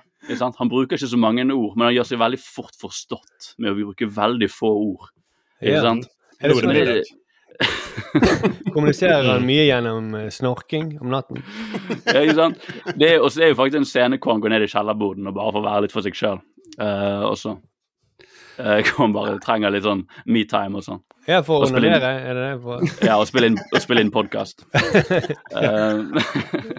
nei da. eh, det altså, greien, med han Reacher da, er at han bare Jeg tror det det appellerer med han, er at han bare er så jævla han tullete perfekt fyr. Han er et sånn gudeideal av uh, mannemannete mannemann. Han er liksom tidligere militærpoliti, så ankommer en bygd i USA, og så blir han umiddelbart arrestert for et mord som han ikke har gjort. Ikke sant? Han eh, Sånn som alle fedre blir. Sånn som alle fedre blir. Men da kjenner du litt den der sånn at du, da, Men da bare begynner du å leve deg inn i det, og du, du blir mer sånn um, Det at han, han nailer alt, han tar alt på så jævla strak arm, er bare så Jeg tror kanskje det er mer det at du kunne ønske det var mer sånn, da. Ja. Det er kanskje der den pappagreien kommer inn. Fordi han er liksom veldig høy, han er to og en halv meter høy, jævlig tullete muskuløs, veldig smart, driver og deduserer folk og situasjoner som en sånn eh, Sverlock Holmes istedenfor Sherlock Holmes. Han er bare jævlig svær dude. Ja. Uh, han resirkulerer Alle pappaene skjønte den. ja, det er alle pappaene der ute. han driver faktisk og resirkulerer i en scene. og så shopper han på Fretex. Men får han, eh, får han liksom skyld for å ha rotet bort eh, en sånn eh, En del av en tåteflaske som han kanskje ikke har gjort? Ja, han blir, for han blir jo satt i fengsel, og det, det, det kan hende kuttet vekk at det var av det. Ja. at det var tåteflasken. Mm. Uh, og så banker han opp folk, er bare jævlig voldelig og sånn. Jeg tror, det, jeg tror det går på at jeg kanskje Jeg kunne kanskje bare ønske at han var pappaen min. Det er kanskje heller det. Kanskje det er heller det som er knektet med, når jeg tenker meg om. uh, men det er bare en jævla fet serie. Altså. Jeg bare kjenner det at uh, bare sitte i godstolen i hjørnet på iPaden og bare få den serien litt for meg sjøl. Jeg tror det er det, det går på. Jeg bare får kose meg litt med den muskuløse duden som bare nailer alt. Altså, Det høres ut litt som, restless som du sitter i òg nå, Arild. Jeg føler jeg er litt Ja. bekymret for hva du er i ferd med å bli. Jeg ønsker han var din far slash din elsker, på en måte. Ja, det er noe, altså det er veldig komplisert, og jeg kaller han jo pappa i søvne. Det er liksom sånn Daddy. jeg må kose, Ja, ja, ja. Jeg Daddy tror litt sånn at jeg, jeg kunne litt ønske at jeg ikke hadde samboer og barn, så jeg bare kunne se på den serien og kose meg med han her. Men Kanskje at han ikke adopterer deg. eh, Arild. Ja, ikke sant? Å, det hadde vært enda bedre. Så det er egentlig det det har gått i. altså. Jeg har bare drømt meg inn i Reacher og pappa, alle pappafølelsene jeg har fått fram med meg. Og det er veldig komplekse følelser. Ja, men jeg skjønner litt altså sånn, eh, Eller jeg syns det alltid tilfredsstiller med Det er jo til og med fra filmen. Det er gøy at han uh, Reacher, Jack Reacher, hva han heter, han er jo veldig høy. For det er han i Mhm. boken, og det er han i serien. Men så Mhm. spilles han Tom Cruise, som er kanskje den laveste i Hollywood. Men jeg har jo sett noen av de her slåssscenene, og det er veldig tilfredsstillende når Tom Cruise banker alle sammen. Det er sånn Mm. åtte stykker. Ja, ja, ja. Og er kjempefrekk med de og sier omtrent ok, de som har lyst til å gå nå, de kan få gjøre det. For dette Mm. kommer ikke til å ende bra. Det er helt perfekt. Det er akkurat sånn det skal være når du skal banke folk opp på film. Det, men det er jo liksom sånn Jeg har jo sett den første Reacher-filmen nå, eh, og den er jo egentlig bedre enn jeg trodde han kom til å være, for det er samme gjengen som lagde de nye Mission Impossible-filmene. Eh, men jeg kan skjønne det at de som var fans av bøkene, ble ganske skuffet når de så Tom Cruise som må stå på en liten sånn her boks for å liksom være like høy som Reece Witherspoon, på en måte. Det, det er ganske Jeg tror de, jeg tror, eh, så vidt jeg har forstått, fansen av bøkene da, er veldig, veldig glad for denne nye Alan Richardson, da, som spiller han eh, Reacher. Og han er Faren, altså, du blir jo helt sånn Jeg visste ikke at det var lov skri visste ikke at det var lov å skrive sånne figurer lenger. Jeg trodde de måtte ha en svakhet. Ja, liksom. sant. Mm. Han er bare for uh, awesome, da. Men Jeg jeg, jeg, jeg syns ikke det Jeg, jeg synes det var Jeg, relaterer mer til en fyr som står på en boks. Eh. Men da har du Tom Cruise-filmene, da. De kan Ja, Ja, Jeg, jeg, Mm. jeg, for lytterne, så jeg vet ikke om dere vet det, men eh, jeg må jo stå på en boks når jeg skal være nyhetsanker. Fordi de er jo laget Alle sånne nyhetsdesker er jo laget for eh, sånn absurd høye mennesker. Mm. Og sånn 1,80. Ja. Er det mulig? Men i filmen, eh, Jack Reacher-filmen så går, er det jo en scene hvor han går ned i kjelleren, da, og så snekrer han den boksen han har med seg. Mm.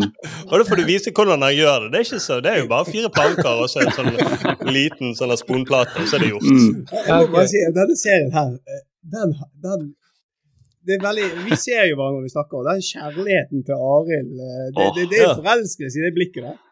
Altså, jeg har teaset meg sjøl bare ved å snakke om han. Ja. Mm. Men altså, det er en av de dårligste innsalgene til serie noensinne til meg. Det er ingenting jeg appellerer. Du er jo best pappa av oss alle, Thomas. Er du, er du helt sykt. Men jeg er jo Jeg kan ikke Altså, det er ingenting her. In ingenting. Det er virkelig sånn Arild, det si- Arild, si skotøyet. Fortell hva type sko han har Det er problemet. Han går jo bare med sånne der eh, boots ikke sant? som er runde i kantene på toppen. ja, liksom- ja, I alle dager! Hva i alle dager? Men har han bambussokker? Nei, han går ingen sokker. Mm, Hvor stram er buksene? Og de er så løse. De er altfor løse. Nei, det er sånn Dockers. Mm. eh, oh, ja, ja, ja. Nei, fytti. Altså, dette er grusomt. Terningkast én fra min side. Det nei, det terningkast, appellerte ikke veldig til meg heller, altså. Det, oh, det, det treffer et eller annet i meg. altså Bare se en sånn Bare noen gang Fordi alt skal, annet skal være så komplekst og nyansert, og det skal være de der eh, skjøre britene som dere er så glad i. Så har vi han her eh, amerikanske idioten da, som er jævlig smart. Nei, Jeg har lyst til å se den, altså. selv om det ikke er noen reklame for XXL. Så har lyst til å se Mm. den. Liksom.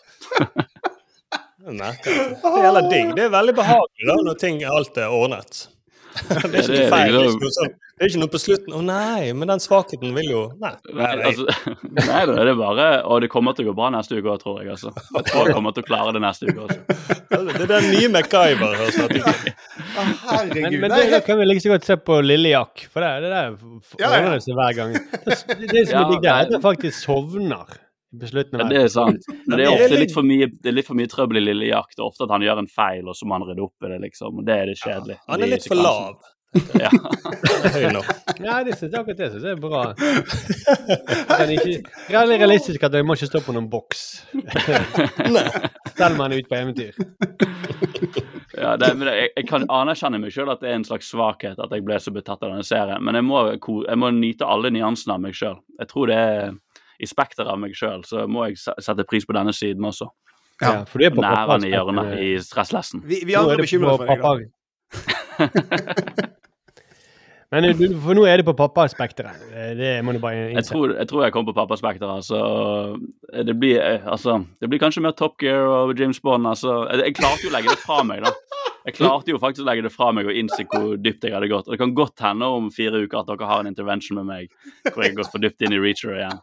Begynt å lese bøkene og bare er helt obsessed med hva den han skal naile. Åh, Nei, altså, jeg tror eh, For min del, det som forandret, med, forandret seg mest når jeg ble pappa, var at eh, det ble sånn plagsomt mye rørt når jeg så Ja. ting på Ja. eh, At det var sånn det, det var, Jeg kan ikke gå på kino, for det, der er jo følelsene Der er inntrykkene så sterke at hvis du blir Mhm. litt betatt, så blir det Eller litt, litt berørt, mener jeg. Så blir du sånn veldig berørt eh, Ja. av filmen. Eh, Jeg og- later som jeg sover jeg, når jeg blir rørt. ja. Ja, det- du bare hulker i søvne. Jeg Så begynner jeg å snorkegrine på kinoen. Ja. Å nei, jeg sovnet visst alt sammen, og det gikk visst bra til slutt. Altså til og med det Hakkebakkeskogen. Eh, nå så vi den to ganger. Jeg så den faktisk med deg, Ståle, den andre gangen. Men første gang jeg satt og så den, jeg syns jeg synes musikken var så fin, og det var, jeg kjenner igjen historien fra liten. Nå sitter min datter her og ser det. redder Brumlemann og alt det. Jeg har, faktisk begynt å, jeg har faktisk begynt å gråte når jeg synger den 'Hvem kan seile foruten vind'. Ja? det var, faen, det er jo så jævla vakkert. Ingen overlever uten vennen sin. Men, sant? Men, men, Hører du Jack Reacher? Hører du? og det er derfor det er det som er genialt med Jack Reacher. Det er ingen barn med i serien. Helt barnefritt. Yes. Sant? OK, men nå tar det seg opp. det, det, Ingen å det, være bekymret for. blir du rørt når du synger han sjøl? Selvfølgelig. det er jo Og så sitter du der og tenker alle vennene mine Åh, det er jo, det er jeg kan ikke overleve uten de. Jeg blir veldig rørt av det andre verset i Lille Måltrost. Å oh, ja. Hvordan er det? Hvordan er det, egentlig? Jeg er så Lille glad. Ikke at du skal synge det, men det Jo, bare, kom igjen. Hvorfor strever du så Å, herregud. Oh, begynner å Det Ja, ja. er frysninger på ryggen, bare. tenker jeg. Jeg fikk faktisk litt frysninger nå. Han er så Jeg må- liten, og så strever han. Åh, jeg må Fordi tro- jeg må gå og finne se- litt mat, med litt mat til de små. Jeg må gå og se noe Jack Reacher, ellers så blir det for mye. Ja, ja. Nei, Ok, Nei, vi må, vi må det, nei, Nå ble det veldig pappete. Ja, Ja. Men jeg tenker jo, det, er jo sikkert noen altså, en, Du har en pappa, du kjenner en pappa, du har lyst til å bli sammen med en pappa. Det er jo noe, altså Du kan jo relatere til det på en eller annen måte. Da ja, det er jo masse pappaer ute i verden. Det er jo det. Mm. Ja, Så det er jo det Vi er kule, vi. Det er ikke sånn at vi fantaserer om at vi er kjempehøye og kan banke alle. Nei, Nei, nei, nei. nei. Det kan vi Vi, på ekte. vi er helt i vater, altså. Mm. oh, nei, det var gøy. Det var veldig gøy. Vi vi må se på eh, det som vi har sett på eh, alle sammen. Nei, jeg har jo sett min uke, da. Herregud. Ja, ja, ja, Sånn er det, vet du. Eh, Ja, sånn er det, vet du. Sånn er det blitt. Aldri vers som måltrost, og så er det ute. Ja, så- jeg var på vei til XXL for å trøste shoppen. noe. Jeg gjorde det i går, faktisk. Jeg kjøpte sånn eh, på XXL for å Istedenfor trøstespise, så trøstekjøp. Det er Jeg kjøpte tolv par hvite tennissokker. Nei, men jeg tror ikke du skjønner, Thomas. Eh, Reacher har faktisk hvite tennissokker. Har det. Mm. Ståle, fortell, vær så snill. Jeg er veldig spent på hva er din TV-uke? Hvordan har den vært? Nei, jeg har nå sett Papirhuset, da, og så Nei, jeg er ikke det. Jeg, jeg var fortsatt syk, så jeg så en trailer. GameStop Rise of the Players. Så handler det da om rett og slett GameStop-krigen. Mm. Og så tenkte jeg shit, den kan jeg se. Den går på Discovery Plus. Så jeg begynte å se den, så halvveis uti så skjønte jeg at det var ikke samme dokumentar. For den jeg så, var GameStop The Wall Street Hijack. Som er en dokumentar som er laget mens hendelsen egentlig ikke er ferdig. Ja. Så, så halvveis uti, så det var jo litt nedtur. Men det var jævla digg. altså GameStop-krigen handler om nerdenes hevn på Wall Street. Altså De små aksjonærene de angriper de store hedgefondene som tar seg til rette. Og Spesielt da på eh, de hedgefondene som driver med shorting av aksjer. Meg og Markus vi har jo snakket om shorting av aksjer før, men nå, nå fikk jeg forklart det. Og nå, nå skal du høre, det er veldig enkelt. Det høres tullete ut, men det er veldig enkelt. Nå skal du høre hvordan de forklarte det i filmen. Det er rett og slett at jeg tror at prisen på dyre penner kommer til å gå ned. Det er sånn alle kjenner seg igjen i. Alle tenker det. Og så låner jeg det jeg gjør da, det låner jeg en dyr penn av noen som ikke bruker denne pennen, og så sier jeg du skal få den pennen igjen om en uke. Så tar jeg denne pennen, dyrepennen til markedet, selger den for 100 dollar. Prisen går etter hvert ned, så den eh, sjette dagen så kjøper jeg denne dyre pennen tilbake for 40 dollar. Så leverer jeg tilbake pennen, og da sitter jeg igjen på en tjeneste. 100 dollar minus 40 er 60 dollar. Mm. Og så gjør jeg dette kanskje 100 000 ganger med 100 000 penner på én dag. Alle skjønner jo da at i økonomisk system så må det denne muligheten være til stede for at det skal bli sunn økonomi. Det høres veldig sunt ut. Det er så tullete! Og det, det var jo det egentlig hele dokumentaren burde handle om. Hvem i helvete er det som får lov til å gjøre sånn som dette? Og at alle sier ja, ja, selvfølgelig, sånn må det være. Har du en dyr penn som du ikke bruker, selvfølgelig kan du låne den ut. Og så kan noen prøve å fikse og trikse i markedet. Ja, og så må vi lage masse dokumentarer hvor man forsøker å forklare dette på en enklest mulig måte. Ja. Eh, men det, det, det skal jeg begynne med å gjøre. Jeg skal begynne å gå til naboen og spørre om å låne en pakke smør, og så skal jeg Mhm. selge den eh, på markedet, og så kjøpe den tilbake igjen når prisen går opp igjen. da. Ja, eller når prisen går ned. Går, går ned, ja. Ja, så, så får du kjøpe så- noen ja, tilbake. Ja, ja, ja selvfølgelig. ja. Mm. Mm. Når han blir eh, Når han går ut på dato. Ja, så kjøper du tilbake, og så leverer du tilbake til naboen. og så kjøper du spisse sko i Tesla, så er all good. Men det, som, men det som er rart i dette, er jo og det er en, Dette er jo tullete med disse pennene. At de får lov til å holde på sånn, de hedgefondingene. Men det de gjør også, er jo at når de har begynt med denne dealen og eh, solgt denne dyre pennen, eller aksjen, så gjør de alt for å snakke ned prisen. Og Da går de ut i media og sier vet du hva, de der aksjene er ikke verdt noen ting. De bruker SoMe. Og bare det er kraft at folk får vite at her sitter det et sånn kjempestort fond og driver og shorter disse aksjene, gjør at prisen stuper nedover. Ja, For og alle det, syns det er helt greit. ja, for det er på en måte sånn at de, eh, de vedder på en måte Det er det ofte det de forklarer det med, at de vedder Mm. på at prisen går ned. Det er det de Ja. gjør i realiteten. Eh, og når de ser at oi, helsike, han driver og vedder mot eh, spissesko, da er spissesko på vei ut, liksom. Ja, Da begynner, begynner alle å selge spissesko i panikk, for de tenker shit, jeg skal ikke sitte inne med spissesko. For de her gutta i Wall Street, de vet hva de gjør. Ja, bortsett, nå, fra, eh, bortsett fra et par som eh, holder på spissesko. eh. Ja, det er alltid noen småsparere som taper på dette. Men det som skjer, da, er jo at det de gjorde feil denne gangen, var at de her store fondene de gikk inn, og så gikk de og sa de, vi skal ta GameStop-aksjen. Kjøper vi opp den, og så begynner vi å si at den her prisen går ned. Men så hadde du alle nerdene som elsker GameStop, som er en sånn dataspillforretning. De vokste opp med dette, så de begynner å alliere seg på Reddit. Og så kjører de en kjempestor kampanje og begynner å kjøpe aksjene, sånn at de går oppover. Mm. Så begynner de å stige fra 20 dollar til 40 dollar. Og så går hedgefondet ut, og så sier de på eh, Twitter at ok, vi vet hva dere prøver på, vi vet at dere prøver å kjøpe litt aksjer med de små pengene deres, eh, men dette kan dere bare glemme. Vi kan dette spillet. Og når de var så dumme og gjorde det, så raste da aksjen opp til 469 dollar. Og det som skjer, Husker dere jeg sa i begynnelsen at jeg kunne bare låne pennen en uke? Ja, det husker vi. Det var et godt eksempel. Ja, husker det, så. Husker det fyrtårnet. Ja. For det som skjer da, er jo at de må selvfølgelig disse hedgefondene de må jo selge, kjøpe tilbake aksjen de har lånt. Og da ender det opp med at de taper totalt sammen, fordi at de fra Reddit kjører så hardt, så de taper 20 milliarder dollar. Det taper de. Ja. Shit! Så da eh, 20 milliarder dollar et par spissesko. Og det var jo det var jo det de kritiserte disse GameStop-folka for, at dere driver og manipulerer markedet. Nå får ikke markedet virke sånn som det skal. Det Sier de som driver og selger ting som de har lånt, da. Ja, selger, lo- og så snakker de ned, og så går de faktisk ut på Twitter og sier den her skal ned. Men de, de ble vel reddet ut av det, da, Wall Street? Ble ikke de? Eller Ja, de ble jo, altså det, det var det som var frustrerende med den dokumentaren. Den stoppa jo midt i handlingen, egentlig. Ja. Så det siste som skjer, er at alle nerdene bruker en app som heter Robin Hood. mm. For det er den de bruker til å kjøpe med. Og så plutselig så stopper Robin Hood og sier nei, fra nå av kan ikke dere kjøpe mer GameStop-aksjer. Og da begynner eh, det, kursen å gå nedover igjen. Og så Mm. stopper eh, hele dokumentaren. Så jeg vil heller anbefale alle å vente til den ekte dokumentaren kommer, så at får med seg alt. Men det som er pluss, er at han som er fortelleren i denne dokumentaren, det er han Jordan Belfort. Og det er han som den eh, filmen Wolf of Wall Street handler om. Så han er med og forteller. Wow. Og det er ganske det er kult å se han, for han ser jo slik ut som Cap Leonardo DiCaprio.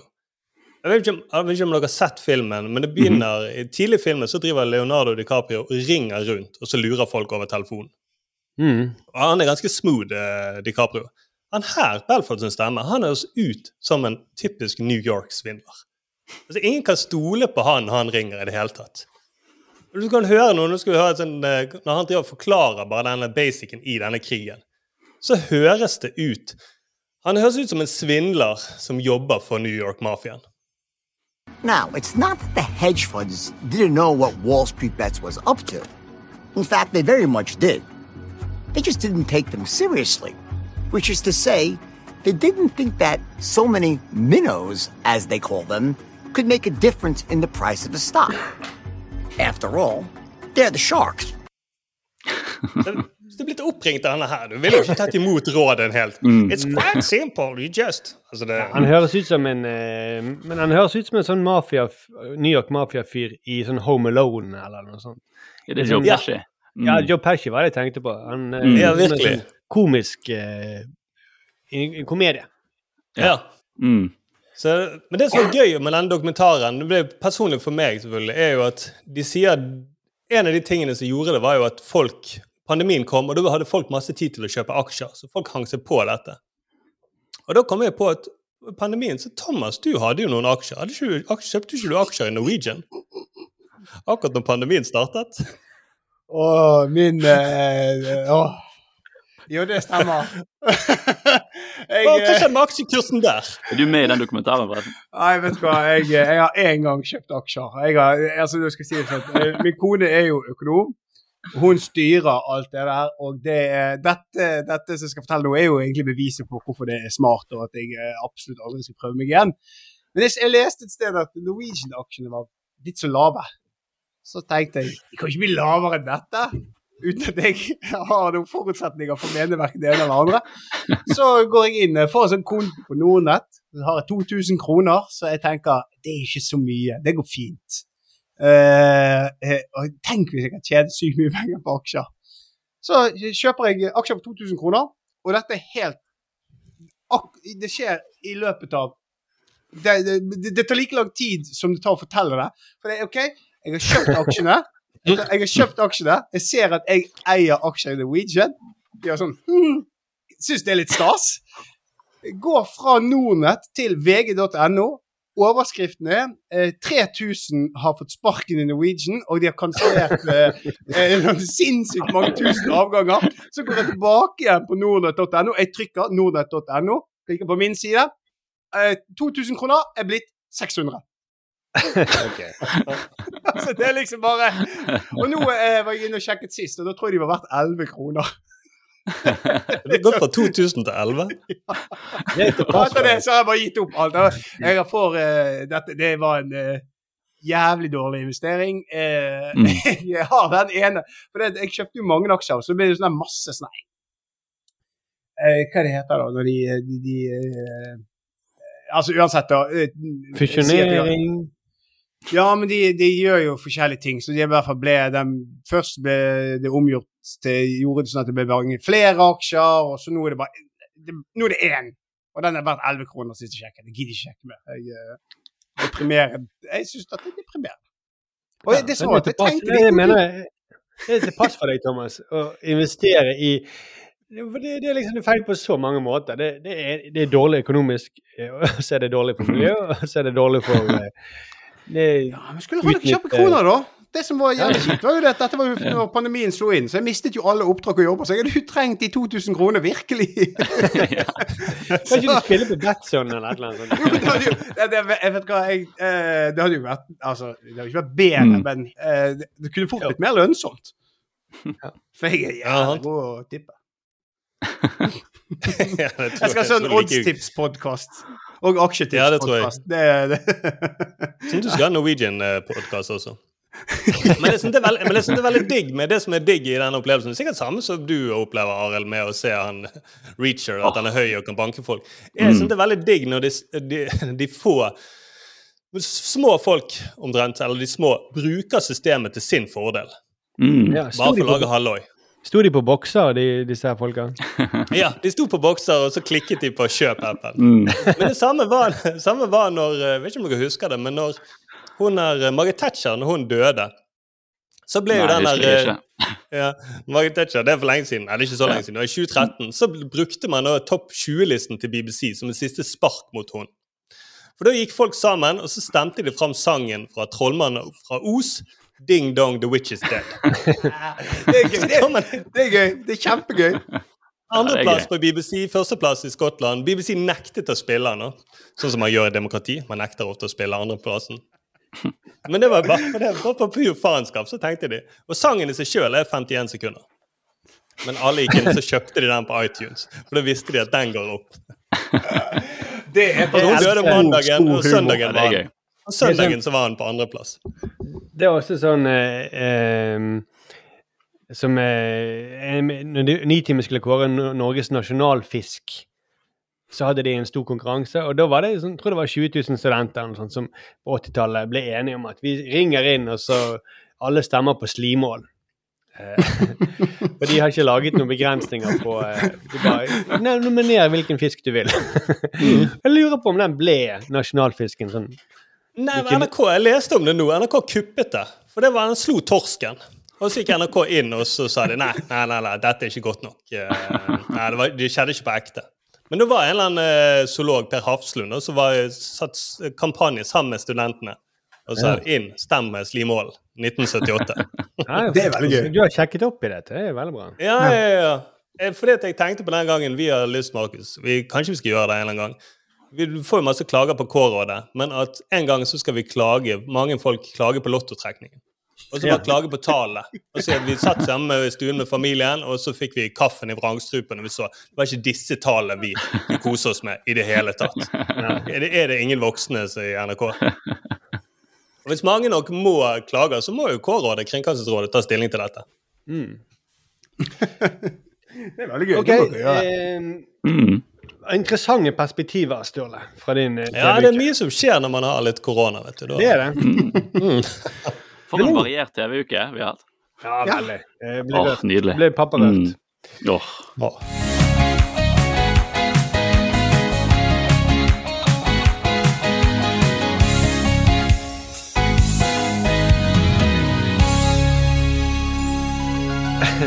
Men nå eh, skal vi, må vi snakke om eh, rett og slett det vi har sett sammen. Vi fikk jo Mm. et tips fra Vetle Tinglef. Han ville at vi skulle se Utopia. En BBC-serie Mm. fra noen år tilbake. Eh, 2013, har alle sett den? Ja. Ja, ja, ja. Ja, jo, Bare en episode, jeg vel Marke. Ja, jeg Ja, en bare episode Ja. Det holdt for meg også. Ja. ja. Skal vi først fortelle litt om eh, hva er det for slags serie? Ja. eh, det er Jeg tenkte jo med en gang vi ble tilbudt det, eh, at jeg så det, så skjønte jeg at her er det noen som har mye lidenskap. Ja. For det er klassisk sånn at denne serien må dere se, denne må dere se. Og med en gang noen har så mye lidenskap, så tenker jeg at dette må være en kultserie. Dette må være noe som liksom eh, skapte mye lidenskap i en kort periode, og, og folk som proklamerer budskapet. Og det er jo en serie fra 2013 da, som har, handler om eh, Herregud, hvordan skal man beskrive det? Ja, det Eh, Prøv det handler om en det, det, det treffer på noen punkter der som jeg, jeg kan like. For det, det, er litt sånn eh, konspiratoriske greier på gang.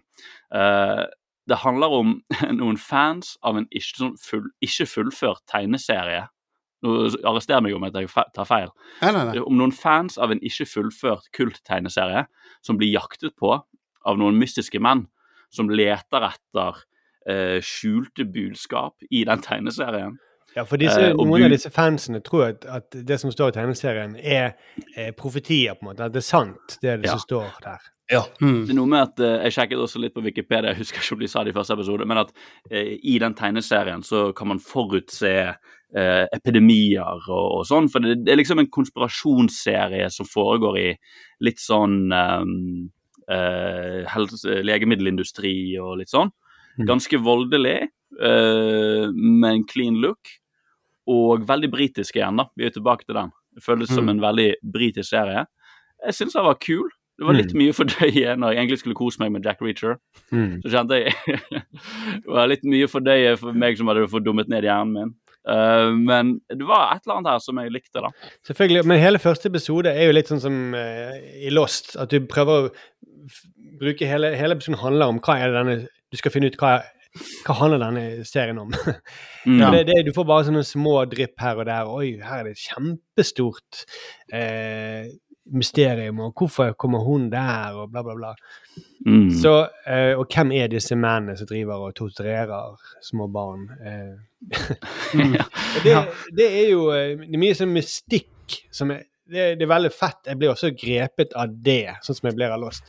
Men det er en sånn mystikk som jeg Jeg har jo etter hvert begynt å erfare at den ble aldri innfridd. Den ble aldri så kul til eh, den forklaringen som selve den mystikken er, da. Mm. Nei, sant? Nei, det er ofte fare for det, rett og slett. At du får ikke Begynnelsene er ofte de beste. Men det er jo, jeg likte det veldig, på en måte veldig. Det var, var jo altså for eksempel bare sånn britisk, den sexscenen mellom de to i første episoden er jo veldig sånn britisk. Det er sånn, de er altfor fulle til å klare å ha sex, og han klarer ikke å få av Mm. seg i skjorten. og litt klumsete og ja. Skaller hun, Hun ned blå. på det tidspunktet? Og hun, hun har blåmerke på låret, så man ville jo sminket vekk da, hvis det skulle vært i USA. Ja. Mm. Så, hun så veldig britisk ut, rett og slett. Ja, ja hun, var- hun var jo pen, men hun var ikke sånn, var ikke sånn eh, Hollywood-fit, liksom. Men det, det var, hun hadde vært en, en av de pene på jobben, liksom. Det som også er relevant, er jo at eh, de lagde jo en amerikansk versjon av denne serien også. Ja. Uh, som er hatet av alle som var fans av den britiske. Den britiske serien kom ut i 2013 og hadde to sesonger, så vidt jeg husker. Jeg tror det. Og så uh, Amazon da, kjøpte opp denne serien og prøvde å lage en amerikansk versjon uh, i 2020, tror jeg. Og jeg sjekket ut den, litt av den amerikanske versjonen, for jeg er litt nysgjerrig for å se om hvor forskjellene lå. Og det er jo veldig tydelig, for hvis vi bare tar den første scenen, da, som er veldig går rett på gang i den britiske versjonen, så handler det om noen mystiske menn med et mystisk motiv som dreper folk og barn i en tegneseriebutikk Mm. på veldig sånn rare og mystiske måter. Og det liksom setter bare rett i gang med å si dette skal være voldelig, dette skal være mystisk, her er det liksom et spørsmål som stilles, vi hopper rett inn.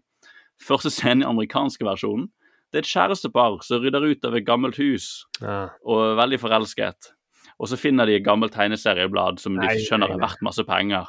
Og så legger de det ut på nettesalg, så da dukker det opp alle disse nerdete menneskene. Oi, den tegne... Altså, det, det, det er mye mer sånn romantisk komedie nesten til å begynne Mm, med. Og hele serien ser mye cleanere ut. Alle er mye kjekkere.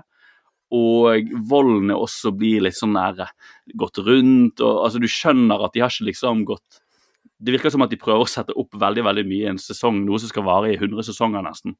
Så det, går, det er ikke like umiddelbart gripende, rett og slett. Nei, og, men det er liksom Ok, det er noen ting som irriterer meg litt med denne. Eh, det er jo disse her to eh, mystiske, voldelige folkene som går rundt og torturerer og sånt. Eh, for de virker jo som de har De kan gi access overalt. Mm. Ja. Eh, og eh, jeg blir alltid så irritert sånn Hvis du har hvis du virkelig kan eh, infiltrere politiet og regjeringen og alt sånt, hvorfor er det hvorfor er det, det virker som det er ikke noen hindringer for dem. Hvorfor trenger de å presse han ene i departementet til å få han andre til å gå av? Kanskje de bare gjør det sjøl, hvis de har alle Mm. ressursene i verden. Ja, jo, men det er sant, det. Fordi Mm. at uh, Skal ikke si for mye, men, men det er veldig tydelig, tydelig at alle rundt han her personen som blir presset for å få sin minister til å inngå en avtale, de jobber jo for et eller annet slags system, da. Mm. Eh, og til og med avtakeren etter han ministeren som må gå av dette, han jobber jo også i systemet. Så da kunne de bare ventet. som Ja, sagt. de kunne bare drept ham, sånn som de dreper alle andre. Mm. Men i Ja, tillegg det er også- Ja, unnskyld. Nei, det er også bare litt det med vold. De to figurene er sånn irritasjonsmoment jeg av og til har. Med sånn apatisk vold. Mm. Når folk Ja. som dreper folk, ikke føler noe som helst. Og det på en måte blir solgt inn som at de er jævla fete eller psykopater. Men det gjør også at du blir Jeg blir bare litt irritert over det. For jeg tenker sånn du, du gjør jo de til mindre interessante figurer automatisk. Fordi alle vil Du føler noe, enten om du gjesper eller koser deg eller whatever, men det blir litt for flate også, da. Ja. Da blir volden blir kun vold, på en måte. Det blir Du føler vel Annet enn de det går utover, så du syns egentlig bare synd på folk. Det er veldig sånn Det, det er ikke like gripende, da. Nei, som, men, eh, de, de, er, de er så flate, sånn at, men de er jo sadister. De, du ser jo at de Mm. koser seg med det, men på en veldig sånn kald måte. mm. Eh, som er sånn, Hvis de er så jævla proffe, og så er de sadister samtidig, det, det går ikke helt i hop at de er både seriemordere og, og veldig sånn de proffe. De skal ha det Finne fram til de tingene de vil finne fram til. da. Så Mm. jeg, eh, jeg irriterte meg den, den, det er en veldig sånn ubehagelig torturscene i den første episoden. Mm. Ja. Den, jeg synes eh, at hvis du skal gjøre noe sånt, så tenker jeg, jeg liksom, for mitt hode er sånn, Hvis du skal formidle sånn ubehagelig tortur, så er det for å vise sånn holocaust eller Schindlers liste eller et eller annet sånn eh, viktig Mm. budskap. Men her er det jo bare for glede, bare for spenning. Og da Mm. føler jeg litt Nei, fuck, ikke plage meg med dette her. Det, det, jeg måtte bare gå vekk fra det. ja, men jeg, Men det er veldig britisk, da. Ja. Er bare si det. Du skal få si det, Thomas. Men det, men det er nettopp det er veldig britisk. Du har denne råskapen som skiller seg fra amerikanske, der ting er polert. Mm. Samme i den 28 dager senere. De zombiene der er mye råere enn f.eks. de treige zombiene i Walking Dead, som går veldig sakte.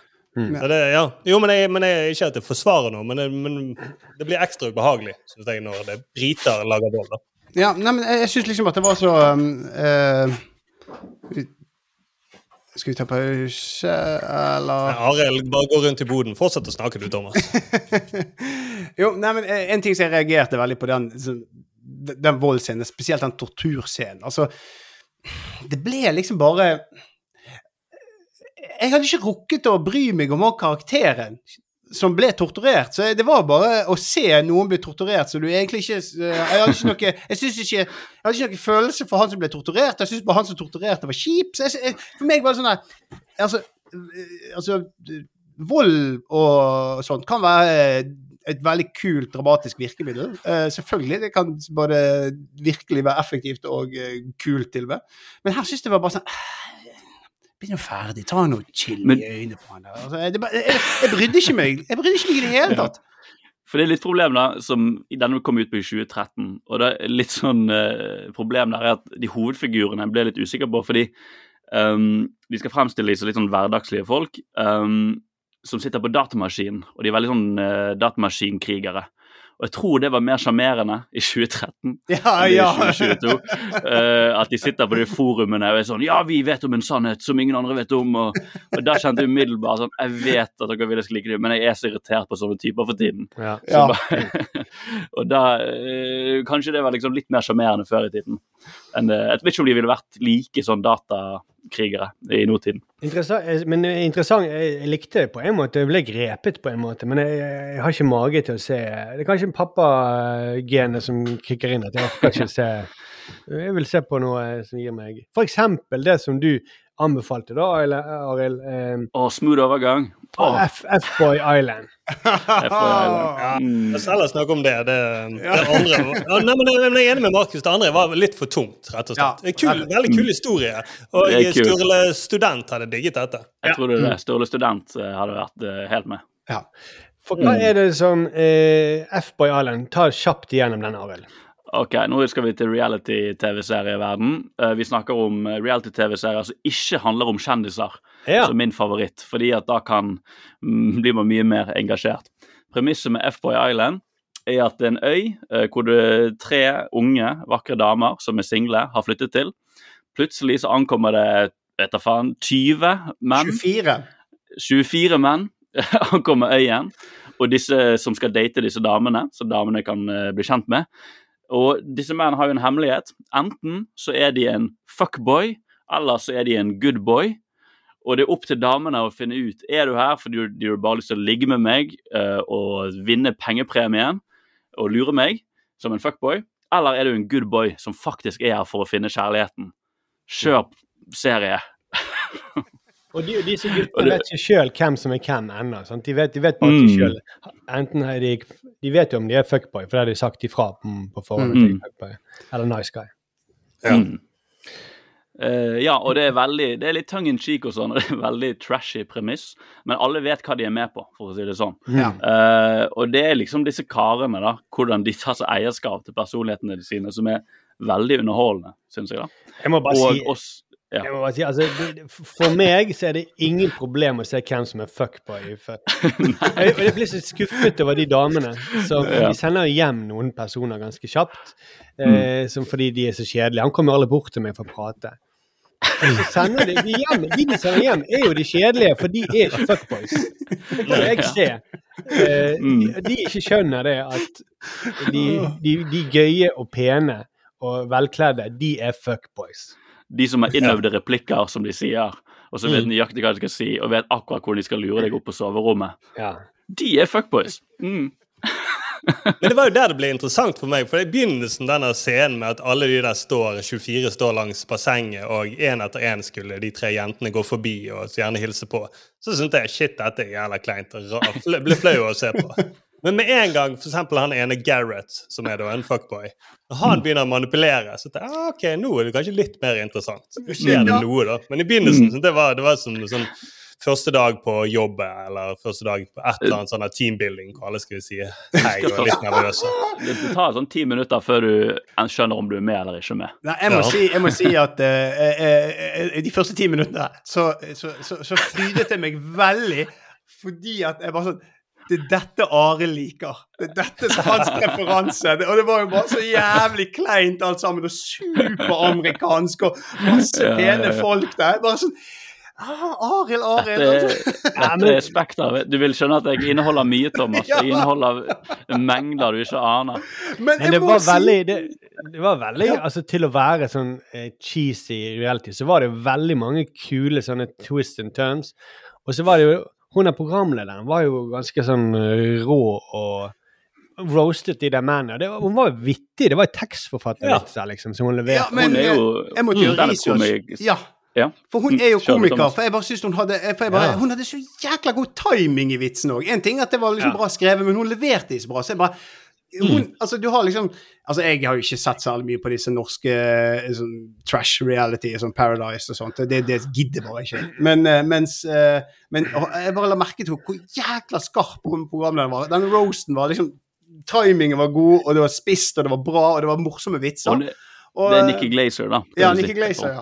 Og hun er jo, hun er jo Jeg tror hun er medskaper på det òg. Jeg syns jeg så det på rulleteksten. Mm. Litt, det, må, det tør ikke gå i krigen for, liksom, men eh, det går an å sjekke. Men eh, hun var rett og slett helt sykt bra. Og det var, det var jo òg Det er så sykt overfladisk eh, univers. Ja. Men eh, altså, det, det, det er helt sånn det er helt banalt overfladisk, men det var jo det som Sturle sier. Når de, når de der fuckboysene begynte å spille, da ble det litt sånn OK, faen. Kjøper de dette? Og så er det sånn Ja, jeg forstår at de kjøper det. Jeg hadde De, Mm. eh, de kunne det- meg, det holdt jeg på å si.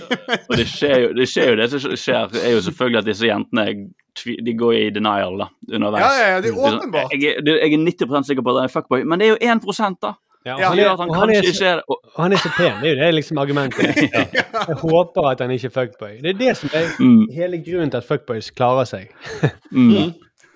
Ja, de går, de, går, de går forbi radaren, da, fordi at de blender dem med pene smilet. Sånn som han Gareth, som jeg syntes var jævlig vittig. Han var liksom oste fuckboy lang vei. Og når han forteller at han er adoptert fra Russland, så klikket det noe i hodet mitt. Han, han ser ut som en russisk robot i øynene. Ja. Helt død. Det er sånn som Dolph Lundgren når han er med i Rocky. Helt død. Ser ikke noen ting. Likevel så blir hun der jenten veldig Sara hun blir veldig smigret av at han åpnet seg for henne. Mm. Så etterpå så sier hun å herregud, han åpnet seg for meg. Og så skal du høre hva han sier. Da må du bare tenke på at han sier dette med de døde russiske robotøynene sine. with girls, when I open up to them, they're like, oh, okay. He's really willing to be like open, and all I'm really doing is trying to let you really open your legs to me. Altså, det er så psykopat. Ja, det er helt sykt. Jeg skal ikke spoile noe, men han gjør det ganske bra, da. Ja, men, Ja, ja, men, men det som er veldig flaut å se på, er jo å se menn som sjekker opp jenter. Og Mm. det, Det er flaut. altså, det er faen, jeg tenker, har vi, vi har jo gjort sånn alle sammen en gang i livet. Liksom. Mm. Tenk, tenk så, jeg klarer nesten ikke å tenke Hvordan går rasen fremover? Det er jo det som er spørsmålet. Hvordan Ja, men- klarer vi å men det komme der, ja, de der øyeblikkene. At damene kjøper det. Ja, jeg, jeg, vil jeg, ligge eh, med oss når vi er sånn. Ja, jeg, jeg, jeg, det, sånn her, jeg syns òg det er mest sånn stressende når de sånn her, alle kjemper om å få snakke med dem noen minutter. Og så de går bort og så liksom tar hun på skulderen så hei, kan jeg, eh, kan jeg få to minutter med deg? Og så alle de kleine samtalene. Vet du hva, jeg Å, gud bedre. Det syns jeg var jævlig kleint. Men da koste jeg meg, Arild. Jeg koste meg skikkelig. Det, det jo, det- altså jeg, jeg jeg er litt sånn Jeg liker god reality-TV. Altså det, er my, det er så mye dritt. Sånn Paradise sånn, det er så jævlig. Det er, fordi de, de anerkjenner ikke hva premiss de er med på. De, de tror de er der for å danne par, men de er jo der for å være Donald Trump. sant? De Ja, klarer ikke å anerkjenne det. Men Fuckboy Island anerkjenner så godt hva det er for noe, og de gir det det på sølvfat, nøyaktig hva premisset leverer, og de går med hodet først inn i at dette handler jo om å oute fuckboys og vise fram hvor jævlig dumme de er, og hvorfor det funker så bra. eh, på en veldig trashy og fin måte. Og det som jeg koste meg med når jeg så den serien, Thomas, var at jeg så for meg hvor bra du hadde gjort det eh, på denne serien. Hæ? Nei, det Så for, så Eh, for jeg tenkte sånn, Du hadde vært et sånn perfekt sånn De hadde ikke klart å sette deg sånn Er du fuckboy, eller er du goodboy? De hadde ikke skjønt seg på deg. Det hadde vært så enigma. For de hadde tenkt sånn De hadde tenkt sånn Er han virkelig sånn? For han, er, han er han psykopat som bare smiler og ler så mye og, og, og er ukomfortabel, eller bare pleier han oss? Jeg tror I den settingen der så tror jeg du hadde blitt en sånn eh, joker. De hadde ikke visst hva de skulle gjøre med Nei, det er Jeg vet han jobber i reklamebransjen, men hva er Ja. Fuckboy han eller kom i spissesko, og det, det er jo spissesko på stranden, og det er jo veldig fuckboy, da, men Det er jo veldig varmt, men han går likevel med de spisseskoene fremdeles. Men han, han kommer Hvorfor ikke går ikke han i shorts? Må bare gå i trange bukser. Men når han prater med oss, så er det kun om britiske komiserier fra 90-tallet. Er det- Jeg vet ikke hva, hvor jeg skal sette den. Fordi, det, det må jeg bare si. At, for det, Thomas er jo åpenbart en, en nice guy, sant? Fordi han er så dårlig til han, Thomas er 100 nice guy. Mest nice guy. Eller F-boy, failboy. Men jeg må bare si sånn som altså. Sorry. det, det som hadde avslørt Thomas, er jo at han ville Han prøvde å sjekke opp damer med å anbefale de sånne britiske serier. sant? Eh, Ja. Som en fuckboy aldri ville gjort. Og det, det er jo så åpenbart at han er ene på slutten som, som, som sier han som, De syns han er litt creepy, for han er så dårlig på å nærme seg damer. Så hun vil se ham vekk. Hun tror eh, Men fordi han er creepy, da tenker jeg, da er han en nice guy. Men når Mm, han, når han begynner å lese det diktet han har skrevet, som er forferdelig Ja, ja, å, herregud. Det var, Nei, det var, det var han, må, han må vi sende hjem. En fuckboy ville jo Mm. aldri gjort det. Men en klossete fyr er jo nice guy. Det er det som er det triste og litt viktig med Mm. Ja, men, men, øh, men øh, det diktet er altså noe av det kleineste. Og så, er det som sier, Arild, alle Det som er så utrolig teit og så øh, bra, er jo det at dette er jo amerikansk, og det er så sinnssykt amerikansk. Det er jo liksom rett før det Mm. lander en sånn der øh, American Eagle midt inni denne øh, paradiset, liksom. Eh, altså, men det er, det er et eller annet med det der at de reagerer så jævlig amerikansk, og det er så TV-vennlig. For det når de, de tar opp diktet, så er de, eh, eh, alle blikkene rundt meg sånn What? What? A poem? What? Det, er så- det, er det er så gøy og passende til sjangeren. Det går ikke an, Du kunne aldri laget dette i Norge. Det hadde blitt en tragedie. Men bare for Ja, lytterne som ikke kunne se, Thomas lagde, prøvde nå å lage mange forskjellige blikk. Han lagde ett blikk med bare med forskjellig stemme hver gang. Det var liksom sånn samme wow, wow, wow, wow. Ja. Samme øyne. Det var ikke noe, gjorde ikke noe, var ikke noe sånn opp og eh, sperre opp øynene eller myse på noen måte. Det var liksom samme blikket rett inn i webkameraet. Ja, vi, vi, jeg foreslår at vi skal se mer på det. Eh, Kan vi Det er, det er nydelig. altså Den sesongen utvikler seg, og det skjer et par tvister der underveis. Det. Um, og det, ja, nei, det, det, det er jo de damene, da. Du, du heier jo sånn på deg sånn Vær så snill, gjør gode valg. Og nok en gang, ikke meningen for å spoile, men de gjør ikke så gode valg. Hvem hadde trodd egentlig? Hvem hadde trodd? At det bare var én episode. Og så hadde de sagt dere tolv er fuckboys, hjem med dere. Altså resten er nice guy. Mm. Vi må snart avslutte, men Sturle, eh, hva skal vi, du har fått i oppdrag å bestemme hva vi skal se på til neste gang sammen. Ja. Og vi så jo Farmen eh, forrige gang. Eh, og da ble vi preget av at vi kom midt inn i det Farmen-konflikten. Så vi hadde ikke noe forhold til dem. Så da tenker jeg at nå, det vi skal se neste uke nå, er det 71 grader nord-team. Nei, nei, nei. nei, nei. nei. det er premiere på søndag. Nei, nei, nei. Og vi vet jo at hver gang TV Norge kommer med nytt eh, turkonsept, så må Jon Almaas være med. Jeg Han har, jo, forpliktet jeg. Jeg, har jo all, jeg har jo klart i alle år å unngå å se 71 grader nå. Jeg har aldri sett det. Det samme har jeg med Farmen. Men vi må, så det må vi se, rett og slett. Og da får vi med første episode, så da kanskje vi ja, kanskje vi blir hektet og bitt av den der eh, 71 grader nord-basillen, som mange andre eh, har vært før. Tenk dette Almaas blir en po- eh, en pod der vi kun snakker om Fuckboy Island og 71 grader nord. Det er. Dere må enda flere britiske sære komedier, Thomas. Ja, Du må bare komme, komme med dem. Vi trenger balanse. Jeg jeg, jeg, jeg Jeg må, eh, jeg må av gårde, eh, og vi må legge ut podkast. Kjapt, veldig kjapt, hva skal vi ikke, ikke se denne uken her? Farmen. Farmen. 71 grader nå, kan jeg si, men det hadde jeg planlagt å si. Men Det må du se nå. Jeg må, jeg. Jeg kommer ikke til å se så mye OL. Jeg tror ikke Nei, det. Jeg har jeg fått bismak jeg med hele OL. Det er en remake eh, nå som kommer igjen, og den skal jeg ikke se. Nå kan dere høre, dere kan gjette hvorfor, eller hva det er. Hør nå. You must meet Hercule Poirot. My congratulations, madame. Merci. He's only the greatest detective alive. I suspect you invited me for reasons other than the fun. Ja, de gjør en remake av Mord på Nilen!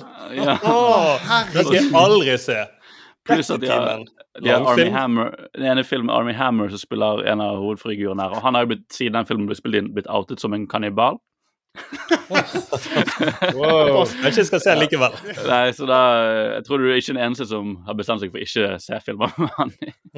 Herregud. Okay, Vi må Nei, gi oss. Ja, vi må det. At uh, du hørte på, og så høres vi jo da om en uke, selvfølgelig. Det blir gøy. Hver fredag. En god tis. God tis. Ja. Ha det bra! Ha det bra. Gled meg til neste tid. Ja, jeg brøler Det var helt ærlig, så jeg ikke smakte der. Gleder meg til vi har spilt inn. Jeg er jo egentlig en ganske flatbrystet pike. Oh yeah? Well, I love you too!